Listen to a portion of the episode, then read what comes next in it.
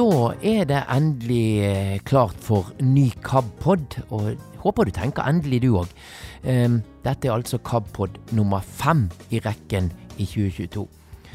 Og ønsker du å gi oss ros eller ris, eller kanskje du har et sånt godt KAB-minne som du vil dele med oss, så er det bare å sende e-post til kab.alfakrøllkab.no, eller ringe telefon 69 81 69 81.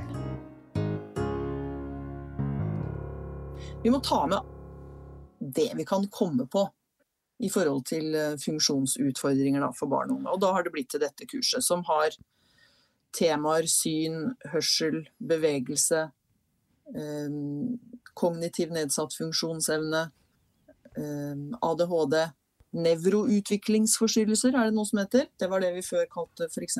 Aspergers syndrom. Hva i all verden er det Hilde Diakon snakker om her? Jeg eh, kan bare si følg med, så blir du klokere etter hvert.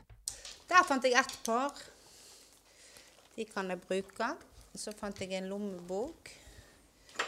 Og der fant jeg kaffekoppen din! Oi, oi, oi. Søren! det er alltid sånn. Det er alltid sånn.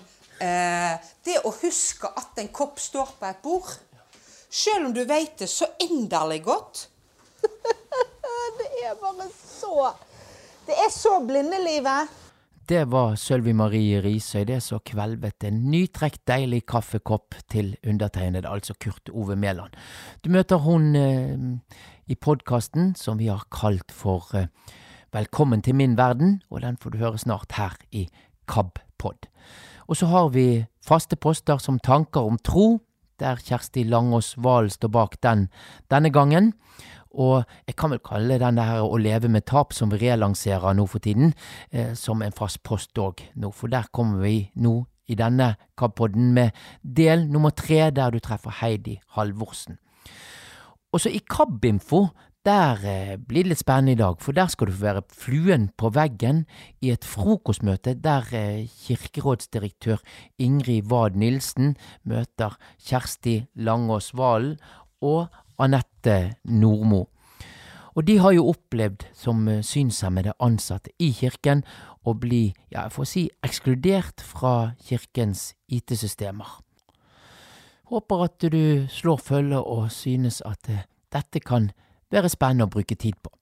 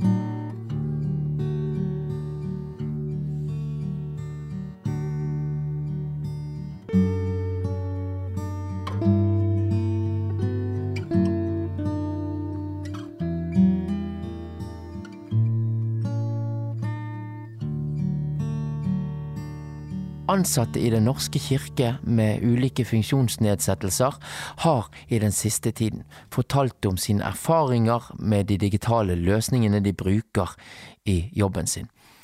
Mange opplever store utfordringer og en arbeidsdag som nesten ikke går rundt. Hvordan kan eh, Kirken som arbeidsgiver bedre ivareta arbeidstakere som har behov for ekstra tilrettelegging? Kantor Anette Nordmo og prest Kjersti Langåsvalen de har jo opplevd dette på kroppen, og møtte derav på frokostmøte i Kirkens hus. Det samme gjorde generalsekretær i KAB Øyvind Woie og kirkerådsdirektør Ingrid Wad Nilsen. Og her du, her skal du få en smakebit av dette frokostmøtet. Anette, eh, kan du fortelle litt om hvordan du opplever din arbeidshverdag? Ja, det kan jeg gjøre. Og da må jeg nok fortelle litt sånn, hvordan det har vært gjennom åras løp. Fordi det har variert litt. Jeg har en 80% stilling som kantor i Slemmestad og Nærsnes menighet og har vært ansatt siden 2005. Jeg også bruker eh, JAWS-programmet som Kjersti fortalte om, med kombinasjon av lyd og leselist bruker jeg også da. Et slags panel foran tastaturet hvor det kommer opp i blindeskrift. Eh, så blar jeg meg opp og ned og til sidene og leser eh, med fingertuppene. og Um, dette fungerte, altså selve programmet og hjelpemidlene i seg sjøl fungerer alltid bra. Um, de første åra uh, av mitt yrkesliv så fungerte dette veldig bra. Og etter å ha brukt litt tid på å venne meg til arbeidslivet, så ble jeg en De som kjenner meg, vet at jeg skryter sjelden av meg sjøl, men jeg en, var en viktig ressurs i staben. Uh, det var en periode hvor uh, det var gudstjenestereform og samtidig eh, syk kollega og prester ut og inn. Og jeg, det var jeg som hadde oversikten over hvilke liturgier de ulike tre menighetene i gamle Røyken kommune eh, hadde. Eh, jeg tok utskrifter, sendte vedlegg, lærte opp prestevikarer og eh, andre vikarer. og eh, var en, en, viktig bidragsyter. Da fungerte ting eh, Noen ting måtte jeg jo ha hjelp til, men, eh, men, stort sett så fungerte det veldig bra, og jeg hjalp veldig mange kolleger. Så kom den nye salmeboka, eh, og eh, til alle andre unntatt meg. For det, eh, jeg hadde hatt en eh, salmebok på en måte app eller program på PC-en med både tekst og melodi, eh, i tillegg til koralboka, altså noter i blindeskrift. Mm. Når den nye salmeboka kom, så var det verken salmebok eh, digitalt eller, eh, eller i blindeskrift. Og jeg fikk avslag da jeg søkte om det på vegne av meg og en annen blind kollega. Og jeg ble en kantor med brukket rygg. Jeg hadde ikke adgang til salmeboka på noen måte.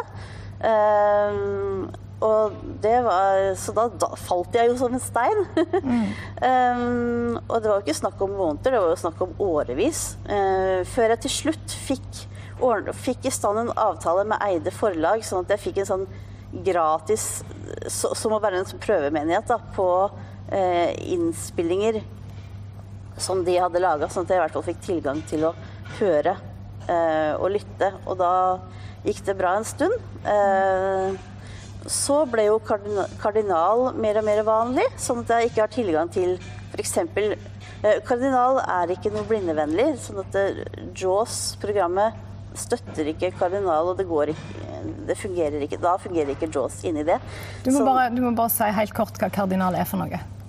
Ja, det er, det er et program eller verktøy hvor kirke, hele kirkeboka er nå, altså alle, alle mulige navn på eh, navn på alle som bruker Den norske kirke, og ellers veldig mye informasjon mm. som jeg da ikke har tilgang til. Annet hvis jeg skal ta kontakt med brudepar som skal gifte seg, for å si at her er jeg, og jeg skal spille, og trenger du veiledning til musikk og sånn, så må jeg be kolleger om å gi meg den informasjonen eh, mm. muntlig, da. Eh, eller via mail eller sånn. Eh, og så ble det da enda verre da man skulle inn på Kirkepartnerplattforma. Og der eh, eh, Der mente nok Jeg tror ikke det var vond vilje. Leverandøren mente at Jaws ville støtte det, og det viste seg å ikke stemme. Eh, så ble det veldig mye strev med det. Og konsekvensen ble at jeg ikke kunne jobbe digitalt i det hele tatt. Eh, bortsett fra på telefonen. Jeg har også iPhone, og den har hjulpet meg mye. Men ting blir veldig tungvint og tar veldig lang tid. Jeg kan jo ikke da bruke PC, ikke, ikke ha tilgang til uh, fellesområder. Kunne ikke det da, i hvert fall. Og ikke notere og ingenting. Så, og kontorarbeid er en veldig viktig del Eh, av eh, det å være en kantor. Mm. Så jeg følte meg rett og slett som en kjempedårlig kantor. Mm. Uh, og man har jo prøvd og Vi har en IT-ansvarlig som har masa veldig og hjulpet meg veldig. Og i perioder har det gått bedre, og så har det gått dårlig igjen. Så det har vært måneder av gangen i mange runder hvor jeg ikke har hatt tilgang til digitale verktøy i det hele tatt, bortsett fra det man kan gjøre via iPhone. Uh, og jeg Det ble en ja, jeg var sykemeldt en periode. Dette var nok en del av årsaken til det. Uh, og jeg har uh, har gått, det har gått så langt som at jeg har tenkt at det funker ikke. Jeg kan ikke være kantor i Den norske kirke. Jeg kan ikke ha en, en, en sånn type stilling hvis, hvis, det ikke blir bedring. Um, nå har jeg fått en lokal tilknytning til lokal skrivebord, eh, sånn at jeg ikke direkte kobla opp mot Kirkepartner. Så, så, akkurat nå går det mye bedre. Jeg er i ferd med å bygge meg opp igjen organisatorisk. Eh, og det er veldig bra. Eh, samtidig så er jeg veldig bevisst på at det, det er jo ikke sikkert at det er for alltid. Så det er, det, det, det er veldig viktig å å få på plass eh, universell, digital universell utforming. Sånn at eh, eh, når det en dag blir nye plattformer eller nye verktøy, så, så må universell utforming komme med en gang, da, sånn at det ikke skal bli kasta ut igjen. For hvis jeg igjen kommer utafor det mest grunnleggende, så vet jeg ikke hva som skjer, egentlig, for min egen del. Uh, så det er uh, Og det er jo bare meg. Er jo, vi er jo mange synshemma innen Den norske kirke. Mm. Både blant frivillige og blant arbeidstakere. Så Teams er også litt utfordring. Det er også sånne ting man må se på. Men det er min historie. Akkurat nå går det bedre. Og så får vi håpe at det Eh, varer. Og det er jo derfor vi er her. Som jeg er veldig glad for, da. Mm. Det var en sak om eh, i Vårt Land for en, en stund siden der de intervjua både deg, Anette, og deg, Kjersti. Og da sa du, Anette, at du hadde gitt opp. Eh, men nå høres det ut som du eh, kanskje er litt sånn Kanskje ikke helt? Ja, altså det jeg hadde gitt opp, det var altså, For jeg var verneombud eh, i et område innenfor Fellesrådet. Eh, det hadde jeg vært i to år, eh, men aldri fått opplæring. Eh, og det er det er på grunn av, For det første så kunne jeg ikke delta på fysiske kurs fordi de ble avlyst pga. Av pandemien. Mm. Men så fantes det jo nettbaserte kurs, men de kunne jeg ikke ta. Fordi, jeg, fordi at jeg jo ikke hadde en PC som fungerte opp mot kirkepartner og eh, ikke, ikke, kunne bruke nettet. Kunne ikke delta på sånne kurs. Kunne jo ikke lage oppgaver engang. Kunne liksom ingenting. Eh, eh, så jeg gikk rundt og prøvde liksom å være verneombud uten å ha opplæring og uten å ha tilgang til verken eh, eksisterende materiale, langt mindre lage HMS-permer eller noen ting mhm. sånt. Eh, så, og, til slutt, så Det gikk jo veldig utover psyken, så til slutt så ga jeg opp. Så, nå, så jeg eh, er ikke verneombud lenger nå. Det, mm. det ble veldig tungt, da. Mm. Men det er en oppgave som du kunne tenkt deg å ha hatt hvis det hadde ligget til rette for at du kunne gjennomføre det på en god måte? Ja, absolutt. Mm. Det, det, det kunne det. Men nå er jeg veldig sliten av den perioden, så jeg er veldig mm. glad jeg slipper å tenke på det nå. Og nå har jeg også for så vidt nok med å bygge meg opp mm. på det digitale. Mm.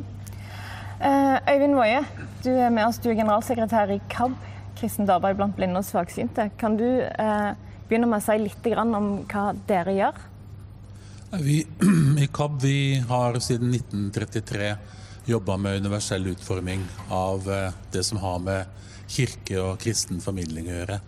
Fordi folk som ikke ser, eh, måtte ha det tilgjengeliggjort på andre måter for å kunne delta på lik linje. Altså få informasjon, delta i fellesskap og ja, være delaktige. Så det er egentlig akkurat det samme vi jobber med nå. Eh, før så handlet det mye om å lese inn noe som sto på et papir. Eh, å få det i en lydutgave. Nå handler det mye mer om å nærme seg alle kodene og alle programmene som vi bruker. Fordi digitalisering eh, og funksjonsnedsettelse er en veldig bra kombo, egentlig. Digitalisering har åpna så ekstremt mange rom og mange muligheter, og gir tilgang på så mye informasjon som man aldri noen gang hadde før. For før så måtte man jo lønne en skuespiller kanskje til å lese noe, det ble dyrt, ikke sant, så kutta man heller ut ting. Så vi, vi jobber eh, med at folk som eh, ønsker å utøve trua si, skal få lov å gjøre det i Den norske kirke og de kristne trossamfunnene. Mm.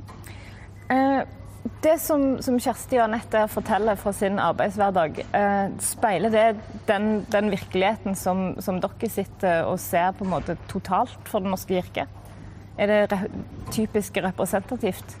Det er representativt at de som jobber i Den norske kirke, og som har ulike tillitsverv, og som kanskje også gjør en mer frivillig tjeneste, opplever at det er veldig vanskelig å få tak i all informasjon.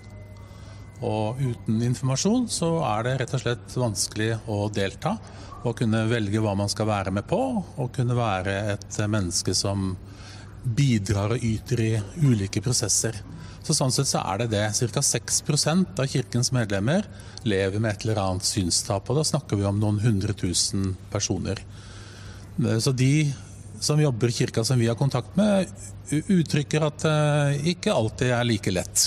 Men at det er noe bedring underveis og skjer noen endringer. Jeg tror det er Litt av nøkkelen er at universell utforming handler også om individuell utforming, og at det er prosesser som må gå hele tida. Dette er ikke noe vi blir ferdig med i dag etter dette møtet. Dette er noe vi må jobbe, hele, jobbe med hele tida. Mm.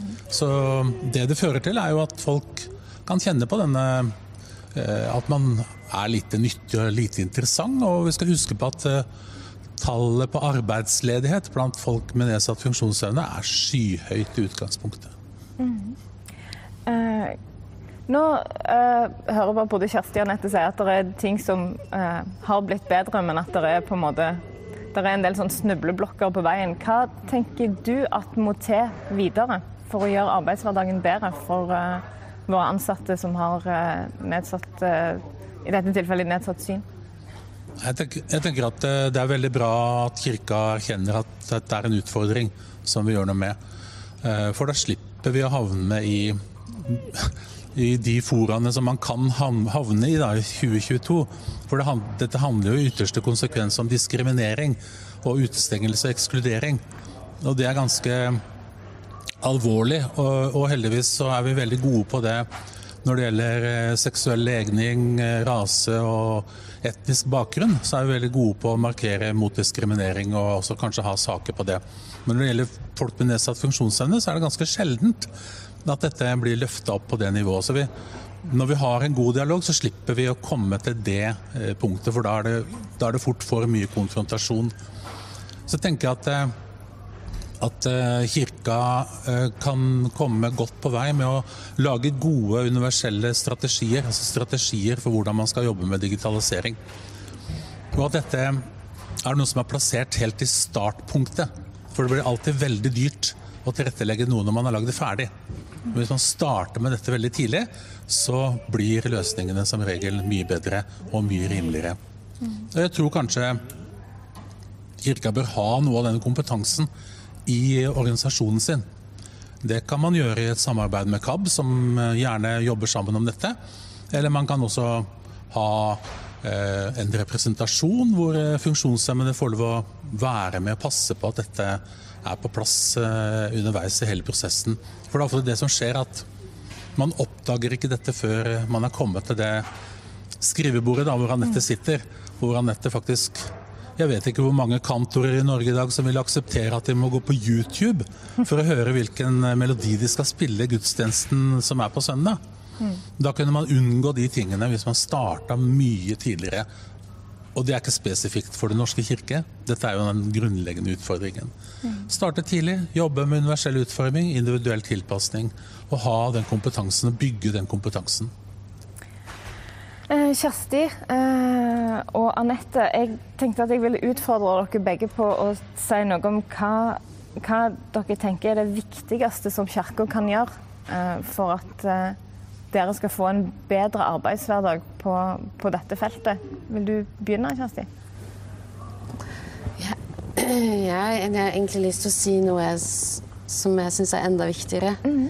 Det er hos de som ansetter at det må være en større frimodighet, en større tillit til eh, når det kommer noen som søker en jobb som har en eller annen funksjonsnedsettelse, til å gi dem en sjanse. Eh, jeg tror det stopper eh, veldig der. Jeg og Nette har fått lov å få en sjanse, fått lov å vise at vi kan. Veldig mange får aldri den sjansen. Og kirka har vært veldig dårlige, veldig feige på å ansette folk som har en lam. Og jeg tenker jeg har jobba nå i Sinsen i mange år. Jeg har kolleger som også har sine handikap, som ikke vil eller ikke tør eller ikke kan det og det og det. Akkurat som jeg ikke vil eller kan eller tør det og det. Så den på en måte den forskjellsbehandlingen og den egentlig diskrimineringen som skjer der, det syns jeg er det viktigste Kirka skal ta tak i for å bli en mer mangfoldig fellesskap, også i de som jobber. Samtidig som selvfølgelig det som vi har snakket om i dag, og også de som kommer til gudstjenester eller aktiviteter, at de, de opplever at det er en plass for dem i Den norske kirke. Og at det ikke bare er denne medlidenheten eh, Nå skal vi være så snille med deg, men at det handler om likestilling. Det tror jeg Kjersti dessverre har helt rett i. Den som er enig med Kjersti Langås Wahl her, det er kirkerådsdirektør Ingrid Wad Nilsen. Uh, og jeg syns det er helt fint at det blir sagt. Mm. Uh, og det som jeg nok aller først har behov for å si, er uh, er både å bekrefte Anette og Kjersti som, som, to store ressurser Den norske kirke faktisk har blant våre ansatte. Eh, og jeg har også bare lyst til å takke dere for at dere har orka å stikke huet fram. Eh, fordi det, det innbiller jeg meg koster en del. Altså Dere har ikke noe ønske om at dere skal være i fokus, og så ser vi allikevel at for at vi skal kunne gjøre en, en jobb på dette, virker det som, så er vi faktisk nødt til at noen tør eh, å være subjekt og si at dette er et problem, dette bør vi gjøre noe med. Uh, og, så jeg har bare lyst til å både bekrefte dere som verdifulle ansatte, som jeg er veldig glad for at vi har uh, i Den norske kirke, uh, og for at dere har orka å stikke huet fram. Det er den Når noen gjør det, så er det faktisk ja, Det er ofte det som skal til, dessverre, men det gjør også at det er lettere for oss da å få ta tak i de tingene som vi bare må ta tak i. Vi må se ting på litt sånn ulike nivå her, for nå snakker vi i dette frokostmøtet snakker vi helt spesifikt om én liten, eller stor for noen, da, men én del av hele dette likestillings-, inkluderings- og mangfoldsfeltet. Og Det er ting som vi må fikse opp i, og det prøver vi å gjøre. Og sette fokus på akkurat det, og få, finne gode løsninger for det. Uh, og det handler jo mye om teknikaliteter som jeg ikke skjønner noen ting av, men som noen skjønner, uh, og det er fint. Eh, men eh, det er også noe som jeg tror vi må adressere, og som Øyvind også adresserte. og det er eh, ja, Det ene er at vi har et omfattende lovverk på dette feltet i Norge som vi også er underlagt, og som vi må levere på, og som der mangfold er og nedsatt funksjonsevne er en av de parametrene som vi også blir målt på, altså fra lovverket. Men det er jo mer enn det. Altså, det er jo også hva er det å være i kristen kirke? Det er selvfølgelig at alle har den samme verdien og skal bidra inn i fellesskapet med de evner og gaver og ressurser man har. Så vi blir jo ikke en hel kirke hvis ikke vi klarer å ta inn over oss at, uh, vi, at alle ressurser skal med inn uh, i dette fellesskapet. Uh, og det er jo Det går jo på våre holdninger. Og det er... Eh, vi er veldig flinke til å se begrensninger og, og, og vanskeligheter istedenfor å se muligheter. Det er vi jo generelt som mennesker. Og kanskje enda mer i Norge enn andre steder, vet ikke. Men i hvert fall. Altså, sånn, vi, har, vi, har, jo i vårt land utrolige eh, ressurser og muligheter til å få dette til. Så dette må vi bare snakke mer om, gjøre, bli mer bevisste på. Eh, og, og, lære oss til å leve med at mangfold er et gode. Eh, I veldig mange ulike sammenhenger, da. Uh, og det Jeg tror at det å ha fått et veldig ekspansivt lovverk på det, også på en måte gjør at vi blir litt mer oppmerksom på det. Og også kanskje blankpusser litt mer av, av liksom, hva er våre kristne idealer på dette, faktisk. Uh, som gjør at vi selvfølgelig uh, må legge til rette for at et mangfold kan blomstre også i Den norske kirke. Det er det det er å være kirke. Det er et mangfold. Ja, det var da vakre ord der fra Ingrid Wad Nilsen, som er kirkerådsdirektør, og jeg håper at i en sånn viktig sak som dette, så blir det etter hvert mer enn vakre ord. Um, det var da Kjersti Langås Wahl og Anette Nordmo og Øyvind Woie som var og fortalte hvor skapet skulle stå her i forhold til at alle skulle med, så og i arbeidslivet innenfor kirken. Så her, her er det ingen tvil på hva som må gjøres, og at det snart må gjøres. Nå skal vi tilbake til den kaffekoppen som eh, gikk om kull her i begynnelsen av eh, KAB-podden. Du skal få møte Sølvi Marie Risøy, og hun jobber på Høgskolen på Vestlandet. Der er hun førsteamanuensis på vernepleie, og hun jobber både som forsker og foreleser. I 2018 mistet hun synet og måtte tilpasse seg en ny hverdag som blind. Hun er spesielt opptatt av det å fungere godt i arbeidslivet, og ja, serien heter Velkommen inn i min verden, og jeg ble godt tatt imot da jeg trådte inn i Sølvi Marie Risøys verden for en stakket stund. Melding. Tekstfelt. Redigerer. Velkommen til en innsetningspunkt. Jeg er jo et sted som jeg ikke bør være så fremmedkarlig som du står og sminker. Vi må bare ikke si det til Kapp at vi har vært på badet sammen. Ikke si det til noen. Nei, ikke si det til noen. Hjertelig, hjertelig velkommen inn i Sølvi Marie Risøy sin verden. I 2018 så mistet hun synet og ble blind. Og hun jobber fortsatt mye med å prøve å venne seg til det å være blind i en seende verden. I tillegg så har hun brukt veldig mye energi på det å beholde jobben og fungere godt i jobben. Eh, hun jobber nå som førsteamanuensis ved Høgskolen på Vestlandet, der hun forsker og underviser. Det er tidlig morgen da jeg eh, besøker Sølvi Marie. Det første jeg gjør om morgenen, kan jeg nesten ikke egentlig si. For det er å ta et glass cola uten sukker. Oi. Yes. På samme måte som jeg nå finner fram kaffetrakteren for å lage kaffe til deg. da. Ja, uten sukker. Uten sukker. For det at uh, du drikker jo kaffe. Mens jeg drikker ikke kaffe. Og colaen er min kaffe. Så Så nå har du cola. nå har jeg tatt min første slurk cola, så nå er dagen begynt. Hvor mye cola er det i løpet av en dag, du? Eh, vet du hva det er need to know-basis, eller òg classified. Altså, Jeg kan ikke snakke om det uten å begynne å snakke engelsk. Mer enn jeg er villig til å innrømme, for å si det sånn. Ja. sånn er det. Er det, er det vanskelig å gjøre sånn som dette? Som Å og lage frokost og kaffe og de tingene? Ja, nei. Nå, nå har jo jeg hele fire års erfaring med å være blind. Så nå er jo jeg profesjonell. men, eh, men eh, det jeg syns er vanskelig med det vi gjør nå, det er at jeg gjør to ting på en gang. Så det kunne jeg alltid før. Jeg kunne alltid multitaske på den måten. Jeg kunne alltid eh, lage frokost samtidig som jeg prater med noen eller sånn. Men etter jeg ble blind, så trenger jeg å konsentrere meg mer om det jeg gjør. Så, så det var ikke en del av opplæringen det, altså?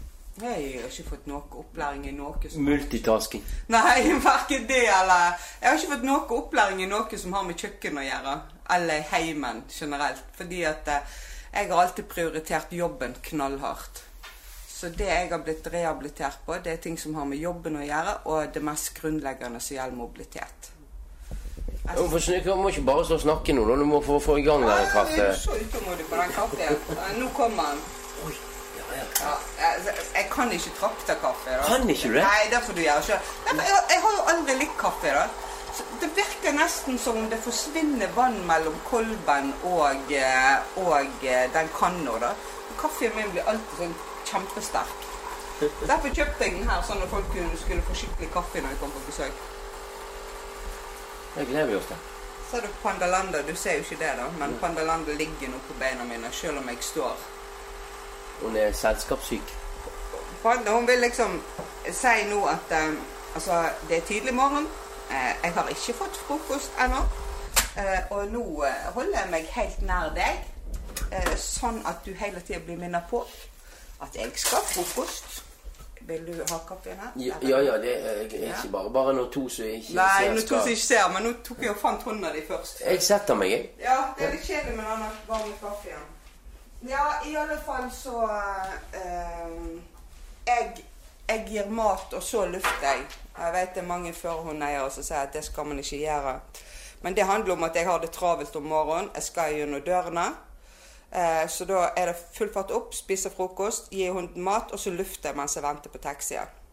Ja, lurt. Ja, Så det er rett og slett for å få det mer effektivt. Men du skal vel ha noe å spise òg? Ja, ja, ja, ja, det skal jeg. Men jeg er jo dame, så jeg må jo sminke meg først. Sminke er veldig viktig. For alle menn er ikke blinde. Og ikke alle damer heller. Så sminke må man ha. Det er faktisk en av de tingene som, eh, som jeg eh, på en måte får mest kompliment for. Det at jeg kan sminke meg i blinde. Eh, og det, det er det mange, mange Jeg har inntrykk av at mange kvinner gir opp sminking når de mister synet. At da tenker de at det med sminke det er for vanskelig og for komplisert. Men jeg var jo, jeg var jo 46 år da jeg mista synet. Og jeg hadde jo sminket meg hele livet mitt. Ja, men Tror ikke du det er litt forskjell, da? Du, du har gjort det hele livet og vet hvordan det skal se ut. Yes. Ikke bare vet jeg hvordan det skal se ut, men jeg vet hvordan alle deler av prosessen kjennes ut. Sant? Og dermed så sminker jeg meg etter hvordan kosten kjennes ut på huden. Og så vet jeg etter alle de årene med erfaring hvor mye jeg skal ta på kosten. Sant? Men jeg sminker jo ikke øynene mine, for mine øyne Du sminker jo ofte ting du ønsker å tiltrekke oppmerksomheten til. Eh, og, um, og mine øyne har vi må kalle for eh, et svært avvikende utseende. De, eh, de ser ut som eh, Jeg har prøvd å beskrive det for folk, da. eh, og nå er de enda verre, for jeg har jo ikke sett de sjøl på fire år. da. Men alle sier at nå ser de enda verre ut. Men sist jeg kunne se dem, så så de mer ut som øynene på en djupvassfisk som er henta fort opp fra havet. Altså øynene står liksom ut. Og så har de ikke hvite. Der det er hvite, er det sånn mørkegrått. Uh, ja, altså de ser veldig avvikende ut. veldig annerledes. Så jeg sminker ikke øynene i det hele tatt. Men jeg går mer og mer uten briller. Uh, selv om jeg trenger briller for å beskytte meg. Og det er litt på grunn av at um, jeg, jeg, vil ikke ha skam knytta til, til, det at mine øyne ser avvikende ut. Ja, så du jobber med det? For du Ja. har vel kjent skam? Jeg har kjent masse skam for det. Og um, jeg husker en gang For mine øyne begynte jo ikke avvikende ut for ca. ti år siden. Så jeg husker en gang jeg trente og hadde på meg linse, og så skulle vi innom eh, noen kollegaer. Og så kom vi innom der. Det var meg og en venninne som var ute og gikk tur. Kom vi innom der, og de gikk uten briller. Og så etterpå sa venninna venninnen til meg Følte du det veldig ubehagelig at du ikke hadde briller på? Og sier ja. Jeg følte det som om jeg satt der uten klær. Rett og slett. Og, men det, grunnen til at jeg jobber med det, det er at eh, jeg skal være stolt av mine øyne. Eh, de har tålt og utholdt utrolige ting. Og de kan fremdeles vise meg lys. Og de kan fremdeles vise meg farge, eh, som oftest. Eller på veldig, veldig nært hold. Eh, og jeg kan se veldig skarpe kontraster. Nå står du inne på et nesten helt hvitt bad. Ja, det tenkte jeg på. Jeg skal Ja. snart ikke forstyrre deg. Men, Nei, nei, nei, det er jeg kan sminke men samtidig, men du står inne på et nesten helt hvitt bad, og du har mørke klær på deg. Så jeg kan se en silhuett foran meg. Øh, Men øh, jeg, jeg, jeg, øh, våger meg ut til kaffen, jeg, du, Ja, Sølve Marie. Fordi at jeg, jeg kjente at, at nå var jeg på det aller helligste her, altså. Du liksom intimsfæren din? Nei, men altså, det blir jo ikke så intimt i og med at vi ikke ser hverandre. Blir ikke det? Nei, jeg ville vært helt annet at en mann sto ved siden av meg og, og så på meg når jeg sminka meg, hvis han kunne se meg. Ja, Jeg, jeg er jo et sted som jeg ikke bør være så fremmed, Karl, som du står og sminker. Vi må bare ikke si det til Kabb at vi har vært på badet sammen. Ikke si det til noen. Nei, ikke si det til mor. Jeg stikker og drikker kaffe. Ja, det har vi.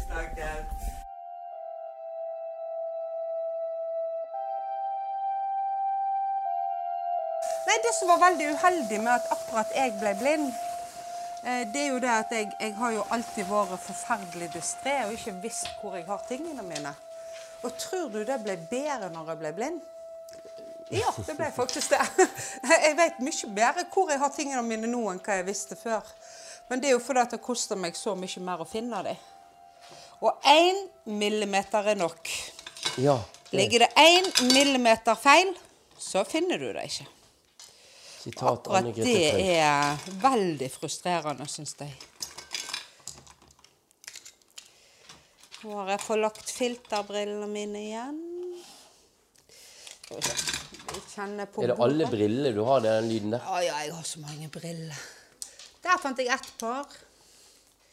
De kan jeg bruke. Så fant jeg en lommebok.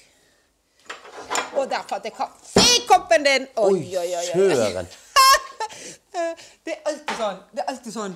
Eh, det å huske at en kopp står på et bord, selv om du vet det så inderlig godt Det er bare så Det er så blindelivet. Um, og så er det jo sånn, du ser jo eh, nå, nå tørker jeg bare litt opp, da, men jeg aner jo ikke om jeg tørker opp det jeg faktisk Nei, det her er Kan bli en flekk. ja, men jeg har verdens beste hjemmehjelp. Så når hun kommer her og ser at det er en flekk, så finner hun møbelrensen, og så ordner hun det for meg. Nei, dette her er liksom en av de sant? Jeg er jo veldig sånn Ja, jeg er stolt av å være blind og Er du stolt av å være Ja, blind? ja, ja, jeg er veldig sånn, og vi skal være stolte av å være blind. Det er Ja, hva skal vi være stolt av for å være blind? Nei, liksom, jeg føler det at, at vi i det hele tatt at jeg i det hele tatt går ut av huset hver morgen og går på jobb. Og liksom gjennomfører alt med så utrolig mye større omkostninger enn hva seende gjør. Det føler jeg jeg skal respektere. Men du er ikke stolt av å være blind, du er stolt av det du klarer. Ja. Av den du er. Men det klarer jo jeg. Den jeg er, er jo en blind person. Det Men det er jo ikke den du er. Jo. Det er det du er. En av de tingene du er. Det er at du er blind. Nei, for meg er det at jeg er blind en helt grunnleggende del av min identitet. Jeg er ikke enig med de som sier at 'jeg er ikke min diagnose', 'jeg er ikke blind'. Eh, for det at for meg er det sånn at eh, alle elementer i livet mitt er påvirka av at jeg er blind. Hvordan jeg opplever verden, hvordan jeg møter folk. Hvordan, alle elementer er påvirka av at jeg er blind. Eh, og dermed så er blindheten en del av det som på en måte skaper min verden. Så kanskje jeg har det synet pga. at jeg har sett før. Og vet det at verden er blitt annerledes. Det er ikke bare meg som er blitt annerledes, verden er blitt annerledes. For jeg, ikke, jeg, jeg sanser ikke verden på samme måte som før.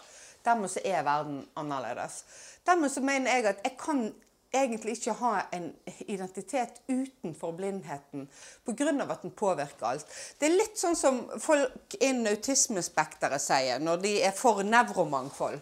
Så sier de at eh, em, alt jeg gjør, er påvirka av hvordan jeg tenker. Og hvordan jeg tenker, er nesten determinert av det at jeg er en autist. Jeg har autisme, og det påvirker måten jeg tenker på. Det at min sansing er, avheng, er annerledes pga. at jeg ikke ser noe, det påvirker hvordan jeg forholder meg til ting òg. Så jeg mener at det å ikke se er så grunnleggende at det er en naturlig del av min identitet, og kanskje til og med også den mest fremskredende. Mer, mer fremtredende enn det at jeg er kvinne. Jeg føler jeg blir før sett som blind før jeg blir sett som kvinne. Eh, Det så jo jeg hvordan eh, statusen min på datingmarkedet falt som en stein når jeg ble blind. Det var liksom ifra jeg, ganske grei posisjon til ja, ja, minus. For meg som nettopp har mista synet, så er, er det at jeg ikke ser noe som jeg tenker på omtrent hele tida. Rett og slett. Omtrent hele tida så tenker jeg Nå kunne jeg sett det. Nå kunne det vært det. Nå kunne jeg sant? For eksempel det at eh, mine foreldre aldri kommer å se eldre ut for meg enn sånn som de så ut når de var 70. De, de har jo forandra seg. Folk rundt meg har forandra seg. Jeg har forandra meg. Men jeg kommer aldri å, å se det. Og når nevøene mine nå er blitt voksen, um, så vet jeg ikke hvordan den voksne versjonen ser ut. Og jeg tror at en som er blindfødt, ikke tenker på det sånn. På grunn av at når du er blindfødt, eh, i hvert fall de jeg kjenner, de ser jo egentlig. Det er bare at de ser på en annen måte. Altså, De ser gjennom å høre stemmen, de ser gjennom å, å høre masse lyder, de ser gjennom å ta på, de ser gjennom sånne ting. Jeg er ikke, jeg er ikke utvikla sånn ennå. Og kanskje jeg ikke klarer å bli utvikla sånn siden jeg ble blind så seint i livet. da. Ja, men du, vi må til det kjære. eh, Noe av det kjæreste du putler pukler med, det er jo jobben din, eh, tror Ja, jeg. eh, ja. I forhold til hvordan du snakker om han. Ja, det er den andre delen av min identitet som er veldig framtredende. Så jeg har brukt masse ressurser på å komme dit jeg er, og, og prioritert knallhardt økonomisk og på alle andre måter for å få meg en doktorgrad og eh, få meg en jobb som førsteamanuensis, som er drømmejobben min. Skal vi Reise på jobb, jeg tror det er på tide at vi gjør nå. Lufte hunden og ta taxi til jobb. Ja, og jeg husker søren ikke hvor hun satt av med skoene, så det håper jeg du Det skal vi finne. Jeg ble nervøs jeg nå. Nei da, men vi går jo på det til slutt. Hvis vi bare går rundt her en stund, så dukker de opp. Gjør det. Ja. Jeg skal vi se. Jeg kan finne mine Nei, her er dine. Var det det, ja? Ja, ja, ja. Noen flotte joggesko. Ja, det var joggesko. Jeg kjente det, for jeg har ikke Takk sånne sjøl. Ok, er det opp med håndtaket eller ned? eller? Til, altså, du tar den knappen over håndtaket, og så vrir du mot karmen. Mot karmen. Der og kom så det en fin melodi her.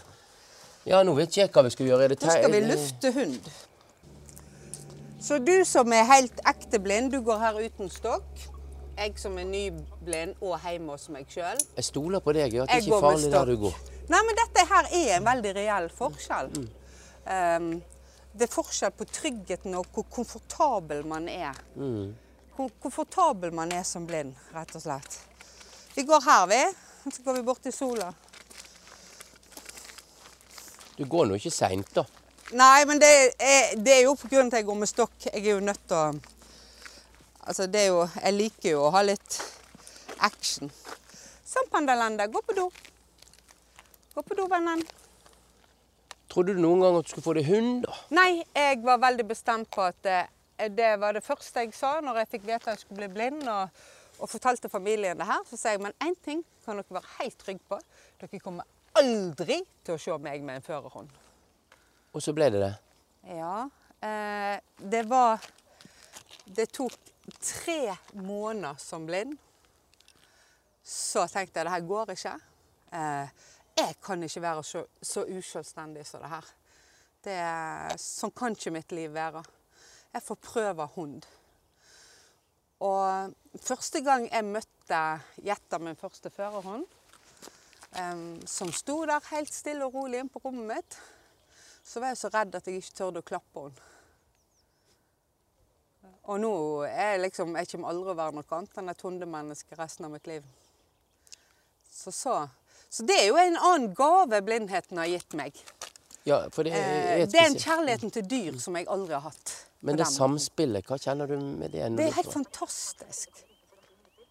Han er utenfor om to minutter. Da må du tisse på han da. Nå må du bruke Ja, nei eh, Det er en, stor gave. Det å så oppleve å få fungere sammen med en hund, det å ha liksom et sånt eh, kollegialt fellesskap med et vesen som er annerledes enn deg sjøl. Tenker på en annen måte, forstår på en annen måte. Altså vi, vi snakker om ulike verdener. Hunden sin verden og mennesket sin verden. Men på en eller annen måte så er vi nødt til å møte oss da, for at dette skal være trygt og sikkert. Og, og vi er nødt til å møtes i respekt, for hvis ikke så Hvis Panda skulle bli en, en redd hund, så ville ikke hun kunne fungere som førerhund. Hun må være trygg på at hun er, er elska og Nei, hva som skjedde her? Jeg trodde vi har en annen hund her. Ja. Det er en hund som går fri. ja, der kom en hund. Der kom en hund. Er det en hundeeier her, Skal jeg, kanskje? skal jeg hjelpe? Nei da, jeg bare holder på den, deg. Uh, det er ei som stikker hjemmefra det Ja, her. jeg tror det.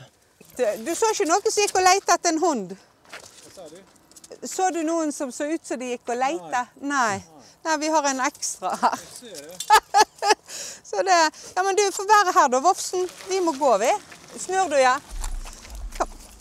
Da kan eh, Sølvi Marie, eh, Panda og en småsyk reporter endelig sette seg inn i taxien og kjøre ned til Høgskolen på Vestlandet i bygget som heter K2.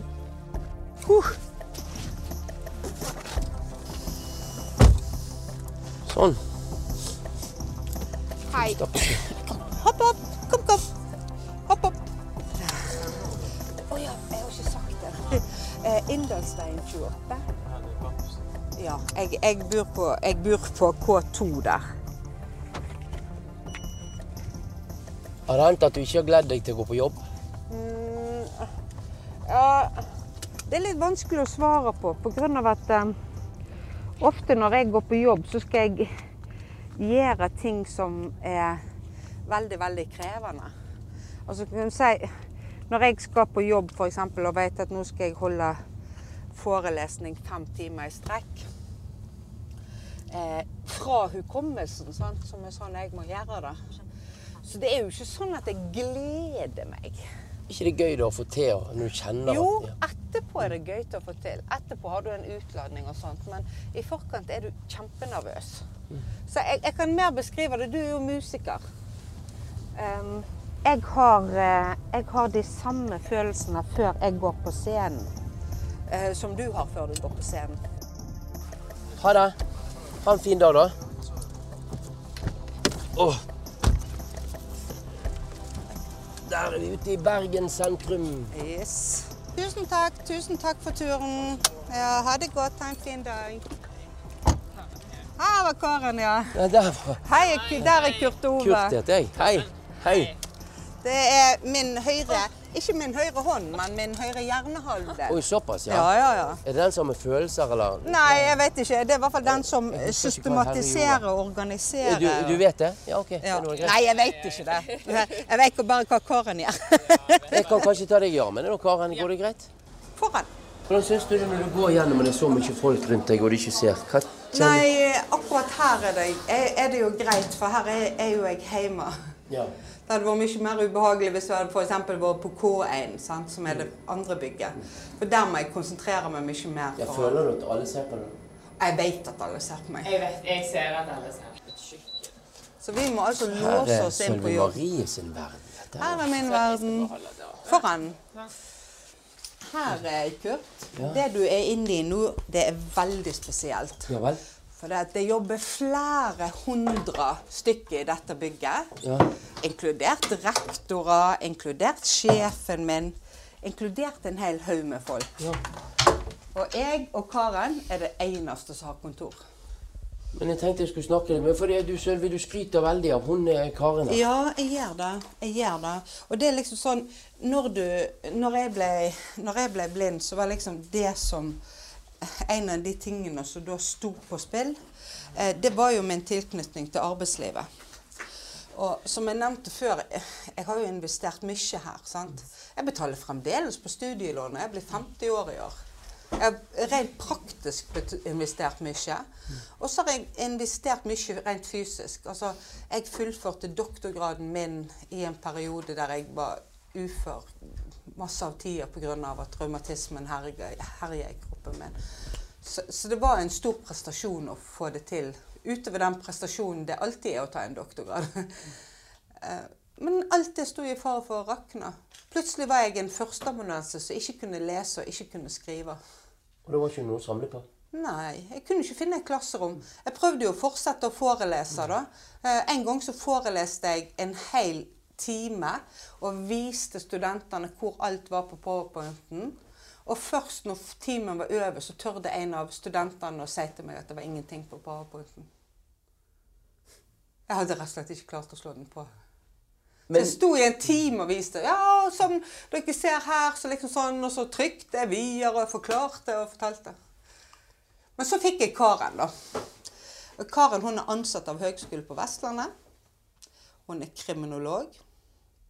Det var jo en kamp i første omgang å få eh, hjelp til meg som var på faglig høyt nok nivå. For at, eh, Nav mente jo at det holdt at hun kunne lese og skrive, for det var jo det jeg ikke kunne lenger. Så jeg tok litt overbevisning og forklare at jeg trenger jo eh, hos meg Karen er jo forskningsassistent. Altså, hun har jobber som går ifra det helt aller mest krevende til det helt enkle. Og ledsager og hjelper meg å få hvite hår og kjole og sånt. ja, men eh, Så relasjonen Men- til Karen er kjempeviktig. Ja, og dette sier du en, en, eh, eh, at Karen er en gave som du aldri hadde Altså som er, Mm. gjør det faktisk godt. Bedre og Altså det er en glede å være blind i den sammenhengen. Ja. Det er noe du har fått som du aldri hadde fått den. Ja, nå har vi snakket om noen sånne positive ting som samfunnet gjør for å kompensere for synstapet. Og det at jeg fikk Karen Mange er veldig redd for å få en assistent, for de er redd for at den skal ta over jobben din og, og sånne ting. Men eh, jeg føler ofte meg og Karen fungerer som ett menneske, på en måte. Men fortell litt om den gleden det er å For du har jo ikke lyst egentlig i utgangspunktet å bli avhengig av noen andre, du heller, tenker jeg. Nei. Og så er du avhengig av Karen nå. Ja. For, hva tenker du om det? Nei, jeg tenker at sånn er det. Og, og hvor heldig er jeg ikke da som har Karen? Jeg kan jobbe mens jeg blir rehabilitert. Hvorfor er dette en, en på en måte en gave for deg, så, så du ikke har sett det at avhengighet er faktisk en gave? Det er så vanskelig å si, men det å jobbe så nært med en person og utvikle en god relasjon til en person Når det fungerer, så er det faktisk noe utrolig vakkert, egentlig. Ja, som, som gir veldig mye glede. Jeg fortalte jo om gleden med å utvikle relasjon til en hund pga. at vi er to forskjellige vesen. Eh, men eh, meg og, meg og Karen er jo for så vidt to forskjellige vesen òg. Vi har veldig forskjellig personlighet. Eh, veldig forskjellig ja, take på ting. Altså vi, vi er ulike. Og så allikevel så fungerer det helt fantastisk. Og det Ja. det er kjempespennende. Altså, Det viktigste for meg når jeg søkte på denne jobben, var å få god, at meg og Sølv Marie hadde god kjemi. da. Eh, og jeg har alltid eh, likt å ha sånne, altså, sånne type jobber hvor jeg kan være til hjelp og jeg kan være til støtte.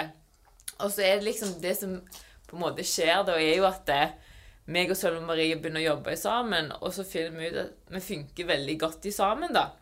Og så er det på en måte en jobb hvor du starter Du vet ikke alltid helt hva det går i. Fordi det handler veldig om hva det Sølv Marie trenger, da. Eh, og det kan jo Det vet jeg jo ikke før jeg begynner å starte å jobbe med henne. Og så finner du ut etter hvert hvordan, hvordan kan vi jobbe sammen på en god måte. Og det handler masse om personlighet, ikke sant? Eh, at eh, vi kommuniserer godt. Eh, og at vi klarer å gjøre hverandre gode. ikke sant? Og så har jeg noen tilbakemeldinger, så har hun noen tilbakemeldinger, for hun har jo masse erfaring fra å jobbe i denne sektoren. da. Så det er liksom, det er litt sånn prøving og feiling, men jeg følte egentlig at jeg Jeg, eh, jeg fløy jo på en måte på rosa sky òg i starten, for jeg fikk jo så utrolig mye positive tilbakemeldinger. Aldri fått så mye positivt eh, tilbakemeldinger før i arbeidslivet, så jeg ble jo helt overvelda hvor, hvor koselig det kunne være liksom å, å, å jobbe, da. Har dere det kjekt, altså? Vi har det veldig kjekt i sammen. Ja, jeg har aldri hatt det så kjekt på jobb før. Eh, og spesielt under korona så var det jo Altså, det er veldig mange som jobber for seg sjøl, ikke sant? Sitter der på sitt eget kontor og, og baler med sitt. Mens meg og Sølv Marie snakket jo sammen hver dag. Og liksom det er der noe at vi på en måte føler oss jo ikke da alene i det. Da følte vi oss liksom som et tospann og kunne snakke om hvordan det gikk. og eh, Det som var vanskelig òg, for det blir på en måte det, det går på en måte litt òg utover jobb, da. Sant? At vi, vi snakker òg om, om ting som skjer utenom, ikke bare det som er jobbrelatert. Og fordi at det, ja, det er liksom litt det med hele mennesket, da. ikke sant? Ja, da vet du når du har fått seg kjæreste òg, da. Selvfølgelig. det var veldig, veldig koselig. Ja, så jeg får med meg litt hvert. Altså, jeg, jeg er jo logga jeg, altså, jeg ser veldig mye av den informasjonen hun får. Sant? Så jeg kan Jeg leser jo mye gjennom mailene hennes. Og hvis jeg, hvis ikke, de, altså, hvis jeg ikke leser jobbmailer, så forteller hun meg gjerne ting hvis, de, hvis du får private mailer, ikke sant? Ja, ja. Så, så jeg, får, jeg får jo vite ganske mye, da. Ehm, det er jo et privilegium, og så er det liksom noe med det der at eh, vi jobber så tett, så er det liksom viktig at jeg òg får se litt hva som skjer, da. Mm. Ehm, så så det, jeg syns det funker utrolig bra, da. Du skal få lov å gi henne en, en, en beskrivelse av Sølvi Marie. Da. Hva, vil du, hva vil du trekke fram da? Som liksom person. Ja. Åh, dette, nå følte jeg meg som nesten, nesten litt jobbintervju, bare at jeg er på en person. da. Sånn, eh, Gi sånn tre gode karakteristikker for uh, deg sjøl, men nå skal jeg gi for Sølve Marie. Um, altså, Sølve Marie um, hun er en utrolig engasjert person. Jeg tror jeg neppe har møtt noen som er så engasjert og så omsorgsfull. Uh, hun bryr seg utrolig mye om de som er rundt henne. Uh, og hun er Altså For meg som ikke er fra Bergen, da, så er jo hun på en måte en litt sånn erkebergenser. Som på en måte snakker høyt. Eh, så, så du hører henne godt når hun kommer inn i rommet. Det er det ikke tvil om. Og hun er veldig tydelig og utrolig faglig sterk. Altså, hun har så utrolig mye eh, gode analyser, gode refleksjoner. Eh, så jeg lærer jo utrolig mye fra hun òg, da. Ja, jeg, jeg, jeg blir jo kjemperørt av å høre det her. Da, for det er jo kjempe... Men, eh, men ehm, eh, eh, Skal jeg beskrive hva ja, Altså, det var jo meg som skapte henne hele tida, og, og, og, og jeg gjør det fremdeles. Eh, Karen skal ha bryllupsfest eh, til sommeren, for hun gifter jo seg under covid. Eh, og da, nå er jeg blitt invitert på bryllupsfest. Og det er jo en stor ære. Men så går jeg liksom og tenker og reflekterer rundt det her, da. Og eh, Det høres kanskje flåsete ut, men jeg har sagt det til Karen. Jeg føler på en måte at jeg vet litt hvordan Are, mannen hennes, har det. For at hvis jeg kunne gjort henne til min jobbkone, så hadde jeg gjort det. da hadde jeg fridd for lenge siden. Så eh, Karen er jo enormt omsorgsfull, eh, og hun er veldig god til å lese andre mennesker. Veldig god til det. Eh, så jeg har aldri opplevd liksom å bli eh, lest så godt som hun leser meg. Eh, og det gjør at, eh, at Karen kan hjelpe meg å sette noen helt nødvendige grenser. Eh, og Karen er veldig flink til å, å se den andre, alltid. Eh, og det forplikter jo veldig i en relasjon, for da er jo du nødt til å gjenyte. Altså, du er òg nødt til å Og jeg er òg nødt til å se Karen, og se Karen sine behov. Og ironisk nok så må jeg støtte opp under Karen i alt som kan føre til at hun slutter hos meg.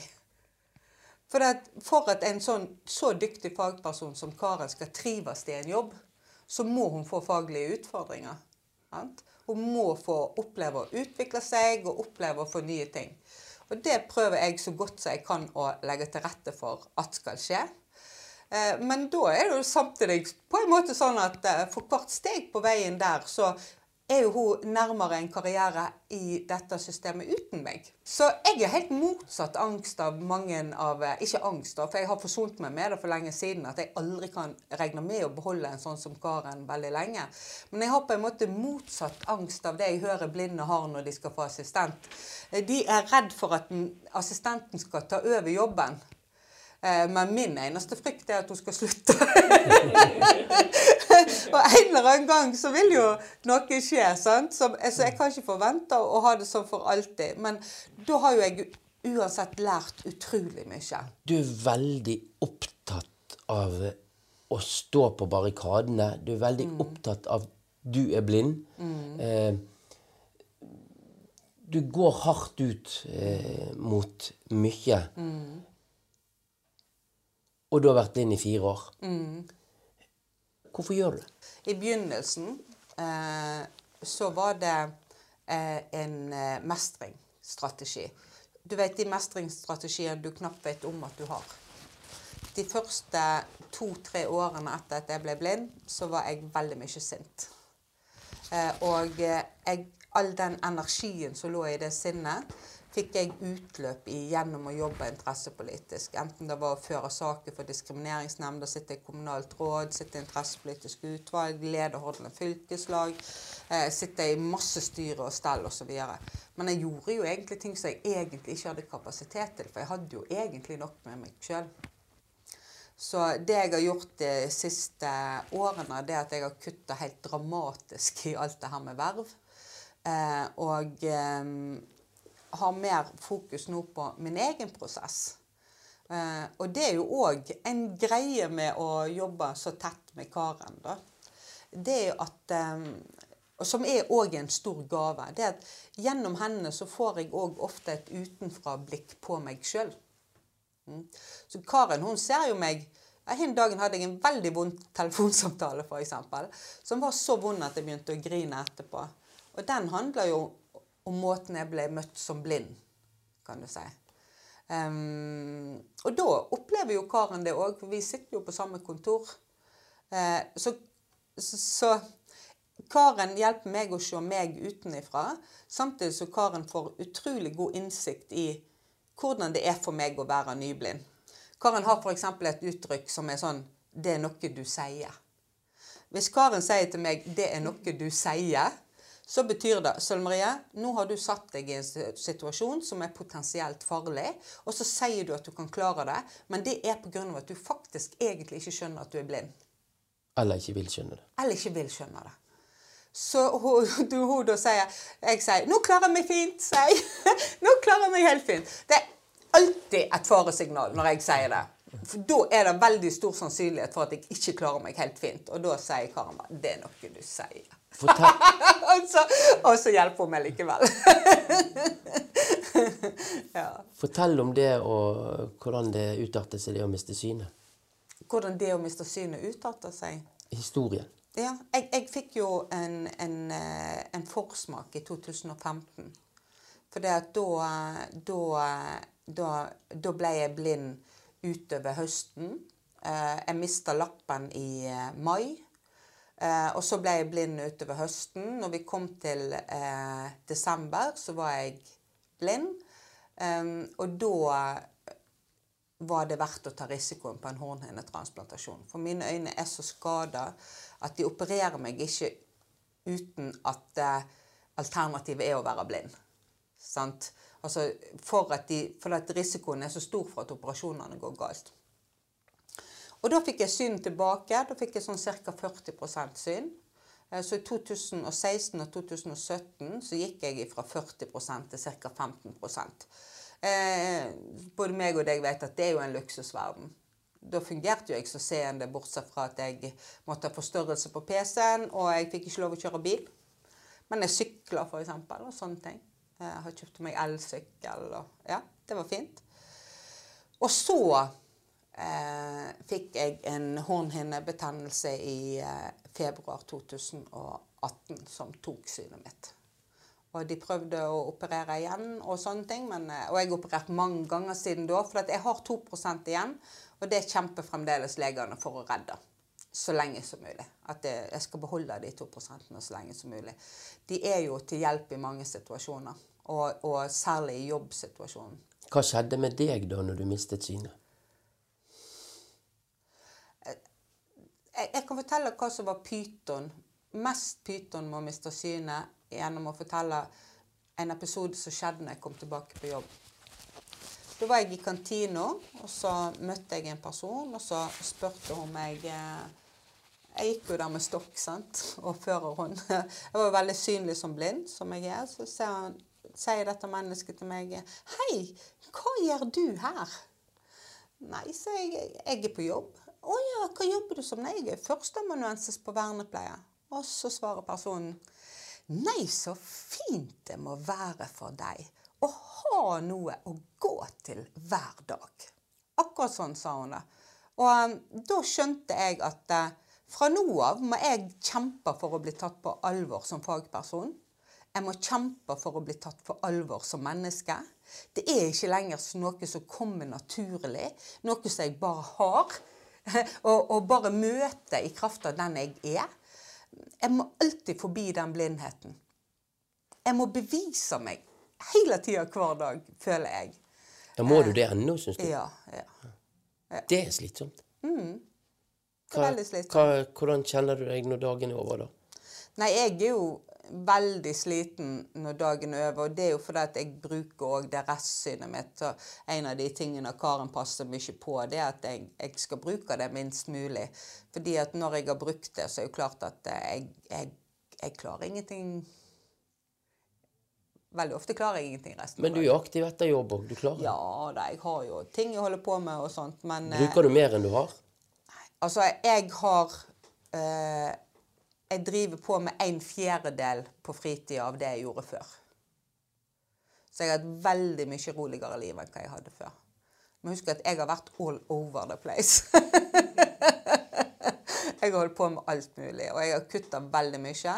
Nå er prioriteten min jobb, eh, og så det å eh, finne ut av blindelivet. Og så gjør jeg sånne ting som jeg kan velge sjøl når jeg jobber med, så, som f.eks. å klage sak innenfor Diskrimineringsnemnda. Eh, kjefter litt høyt hvis Blindeforbundet har kampanjer jeg ikke liker. Eh, eh, skriver brev til folk og skriver brev og e-poster til folk og gjør oppmerksom på at dette fungerer ikke for blinde, dette fungerer ikke for blinde. Er du klar over at det er ulovlig sånn som du driver det, osv. Så, jeg har til enhver tid gående samtaler med en del eh, der jeg eh, har dette. Og, og de groveste tilfellene klager jeg da inn til Diskrimineringsnemnda. Noen av de sakene jeg har fokusert på, på enkel, som enkeltperson, f.eks. når det ble kutta i TT til uh, synshemma i Hordaland. Etter at vi kom inn i den nasjonale ordningen, så fikk vi plutselig flere tusen mindre. For det var gitt til rullestolbrukere. Da kjørte jeg den saken helt til klagenemnda i uh, fylkeskommunen. Og det førte til at alle synshemma fikk de pengene tilbake. Tusen takk. Jo, vær så god. Det var jo, det var jo, det var jo 3000 i halvåret til alle synshemma. Søren meg bra vi har det. Ja. Men, eh, men, og det førte òg til mye positivt for rullestolbrukerne. For det, det de ikke hadde skjønt, det var at hvis fylkeskommunen fikk lov å bruke det regelverket de da ønsket å få, så fikk jo de i første omgang et par tusen mer, men i neste omgang så ville alle som hadde bil, miste halvparten. Og det er jo ikke rullestolbrukere interessert i. Så dette ble positivt for begge parter. Du har vokst opp i, i Norsk Luther Misjonssamband, Ja. Sølvi. Og eh, hva tenker du i forhold til det at du har mistet synet, og, og det, da treffer du jo folk som på en måte tror Jeg vet ikke om du har en tro sjøl, Mm. men, men, men i forhold til dette med helbredelse og de tingene, hva kjenner du på det, da? Ja, for meg har det vært veldig vanskelig. Altså, det er ikke vanskelig å ta imot forbønn eh, for dette med synet. Em, og for sykdommene mine. Sant? Det, jeg, jeg er jo bl- blitt blind pga. sykdom. Sant? Det er ikke en ulykke eller en ytre påvirkning. Det er kroppen min som har gjort meg blind. Um, og det er mange som ber for meg. Sant? Jeg har jo en hel familie med eh, med sterkt truende mennesker. Sant? Ja, jeg tror helt sikkert det hjelper. Jeg tror helt sikkert at det er en av de tingene som gir meg styrke i hverdagen. Det jeg derimot har problemer med, det er å bli stoppa på Torgallmenningen av folk som skal be for meg, som singler meg ut pga. at de ser jeg er blind. Og så skal de ha en sånn offentlig show på Torgallmenningen med meg som rekvisitt. Hva kjenner du da? Sinne. Veldig stort sinne, for at jeg føler de misbruker meg for å framstå som åndelig sjøl. Men du har jo et veldig bibelsk handikap, så du bør jo bare Ja, det er det jeg sier. Jeg har liksom et sånn ekte bibelsk handikap, er, eller, eller en funksjonsnedsettelse, og det, det er helt greit. Men det jeg pleier å se, si til dem, de spør, spør kan jeg få be for deg. Ja, sier jeg. Ja, da må du stoppe opp og sånn. Nei, sier jeg. Jo da, det må du. Hva heter du? Ja, men det trenger du ikke vite. Jo, og så sier jeg Unnskyld meg, men hvordan er din Gud egentlig? Tror ikke du at han kjenner meg? Tror ikke du at han vet navnet mitt? Tror ikke du at det holder at du folder hendene nå og så Jeg ber for den dama som går foran meg nå, og som er på vei til jobben, og jeg skal be for henne til hun er på vei til jobben. Tror ikke du Gud vet, hvem du snakker om? Og da blir det alltid veldig tause. og så sier jeg ha det, lykke til, liksom. Ja, du må gjerne be, men eh, gjør det i stillhet. Hva gjør dette livet du har nå i forhold til forhold i forhold til Gud, da? Nei, det er Jeg, jeg er jo et, et truende menneske som har vanskelig for å tro. Jeg er eh, en rimelig konsekvent tviler. Men for å, å kunne tvile, så må jo du ha ei tru òg. Eh, og eh, for meg er det liksom For meg er eh, tru, eller det kristendommen, da, det er jo òg veldig mye kultur. Det merker jo meg og Karen. Sant? At eh, det at vi begge har en sånn oppvekst, det gjør jo at det er mange ting vi kommuniserer veldig godt om. Selv om det er jo nesten 20 år i forskjell i alder mellom oss. Ja, hva eksempel? Hva? Nei, vi kan plutselig begynne å synge på de samme sangene, f.eks. Eller, eller komme med sånne 'What would Karen do?' Eller altså, Det er mange sånne ting som bare er innforstått oss imellom, da. Eh, og som, eh, som, vi kan snakke om. Eh, så, så, for meg er det alltid trygt å, å være med folk som har en tro. Og det er uansett kallet. Jeg merker jo det særlig med ja, F.eks. muslimske drosjesjåfører som er veldig trygge i sin tro, eh, har ofte en sånn eh, god utstråling, på en måte. sant? Og er ofte veldig imøtekommende overfor meg og sånt. Så jeg har en litt sånn på ene side veldig naivt forhold til det, og på en annen side et veldig brutalt forhold til det. Ja, Men har du blitt mer brutal etter du mistet synet? Nei, det er vel mer etter jeg er blitt voksen at jeg har sett hvor mange måter eh, eh, tro kan misbrukes på. Mm. Men hva mener du med brutal tro? Um, for eksempel at eh, Ja, det er vel mer det at jeg har mista litt av naiviteten, da.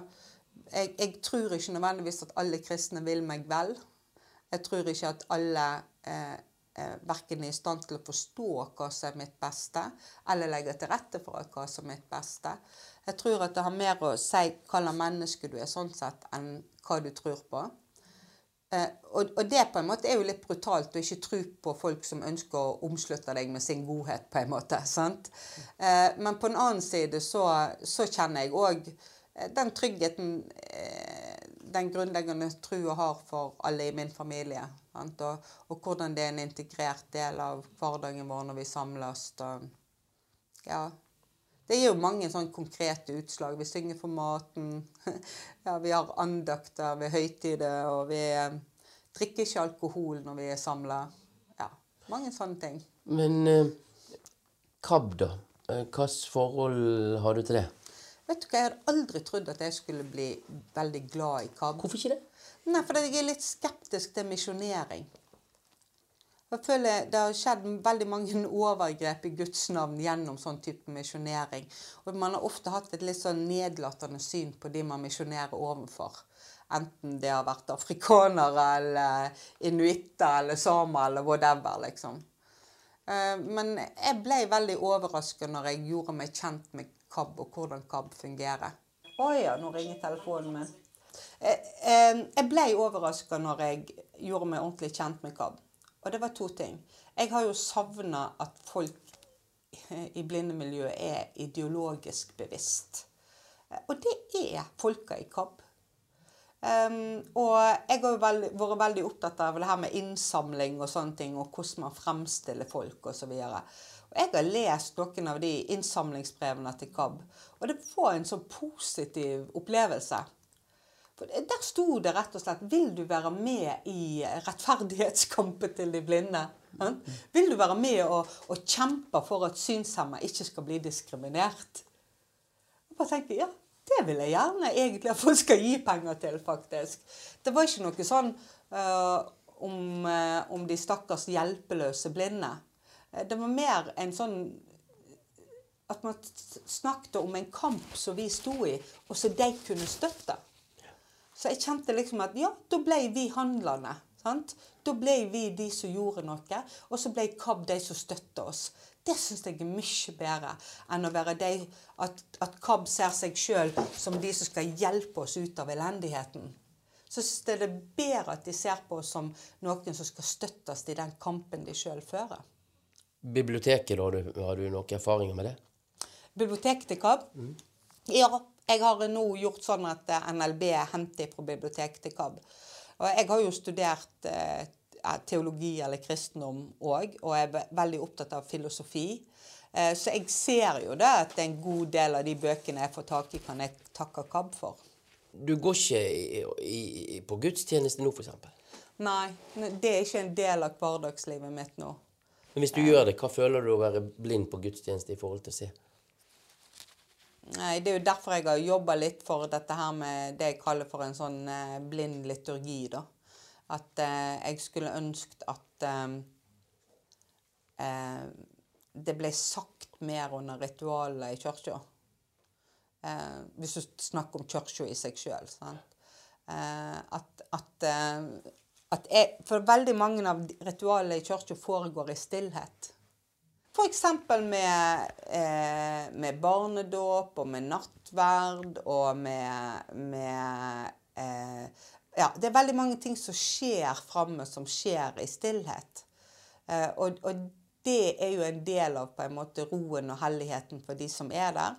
Men det er òg samtidig noe som stenger ute meg fra de visuelle inntrykkene som jeg kunne Ja, men- fått ellers. Ja, men stillhet, kan ikke det være godt for deg? Da må du se de visuelle Nei, liksom... men det burde jo vært helt naturlig at uh, når du kom i kirka, så det, var det en QR-kode der, sånn at du kunne uh, logge deg inn på der og så få vite um, hvilke elementer denne gudstjenesten består av, og hva som skjer når det kommer stillhet på de ulike punktene. sant? I dag er det dåp, det blir stillhet når eh, eh, dåpsfølget kommer fram, det blir stillhet når presten heller vannet i døpefonten, osv. Altså rett og slett at, eh, at man forklarer gangen i gudstjenester til folk. Nå tar man bare for gitt at alle er innbakt i kulturen. Nå skal du, nå hopper vi litt her. Nå skal du få lov å si det verste og det beste med Babelin. Mm. Det verste er to ting. Det ene er at én millimeter er nok. Hvis noe er én mill... Det er det hunden min som snorker. Hun snorker enormt. um, eh, det verste er på en måte at én millimeter er nok. Er, er noe én millimeter et, under der du kjenner etter med fingrene, så klarer ikke du å finne det. Så det der med at eh, du må se med hendene, eh, og, og alt det fører til av ting du ikke får til. Det å krype rundt på gulvet hver gang du mister noe på gulvet. Jeg har jo ikke oppøvd hørselen min heller, så jeg har jo lite, pluss at jeg er tunghørt. Så jeg har lite hjelp av hørsel når jeg mister ting på gulvet òg. Det er en type ting. Nå i det siste så har jeg eh, vært ute og gått et par ganger eh, og tatt noen sjanser og f.eks. ikke klart å finne min egen innkjørsel. Jeg har bodd i det huset i 20 år. Eller at jeg f.eks. har plutselig vært midt i veien. Fordi at jeg eh, ikke har vært nok konsentrert.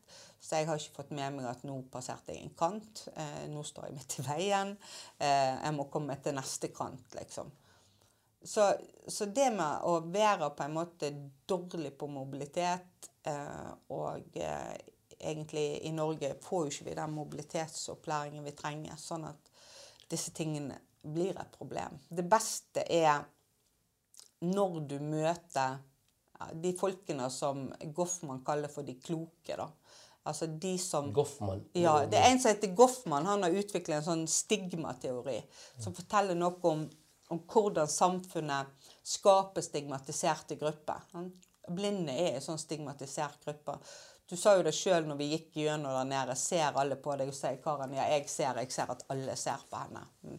Det er et av tegnene på at jeg tilhører noe er annerledes eh, og tilhører ei stigmatisert gruppe. Det er på en måte de Goffman kaller de normale, som er med på å skape de stigmatiserte. Men samtidig så viser han fram ei annen gruppe, og det er de han kaller for de kloke eller de vise. Og det er de som bruker masse tid på å sette seg inn i hvordan de stigmatiserte har det, og empatisere og føle og oppleve eh, ting i, så langt som mulig sånn som de har det. Og det er en del relasjoner du utvikler til sånne. Karen er en vis og klok person i Goffman sin tenkegang. Drosjesjåførene jeg møter på, veldig mange av de vise og kloke personer.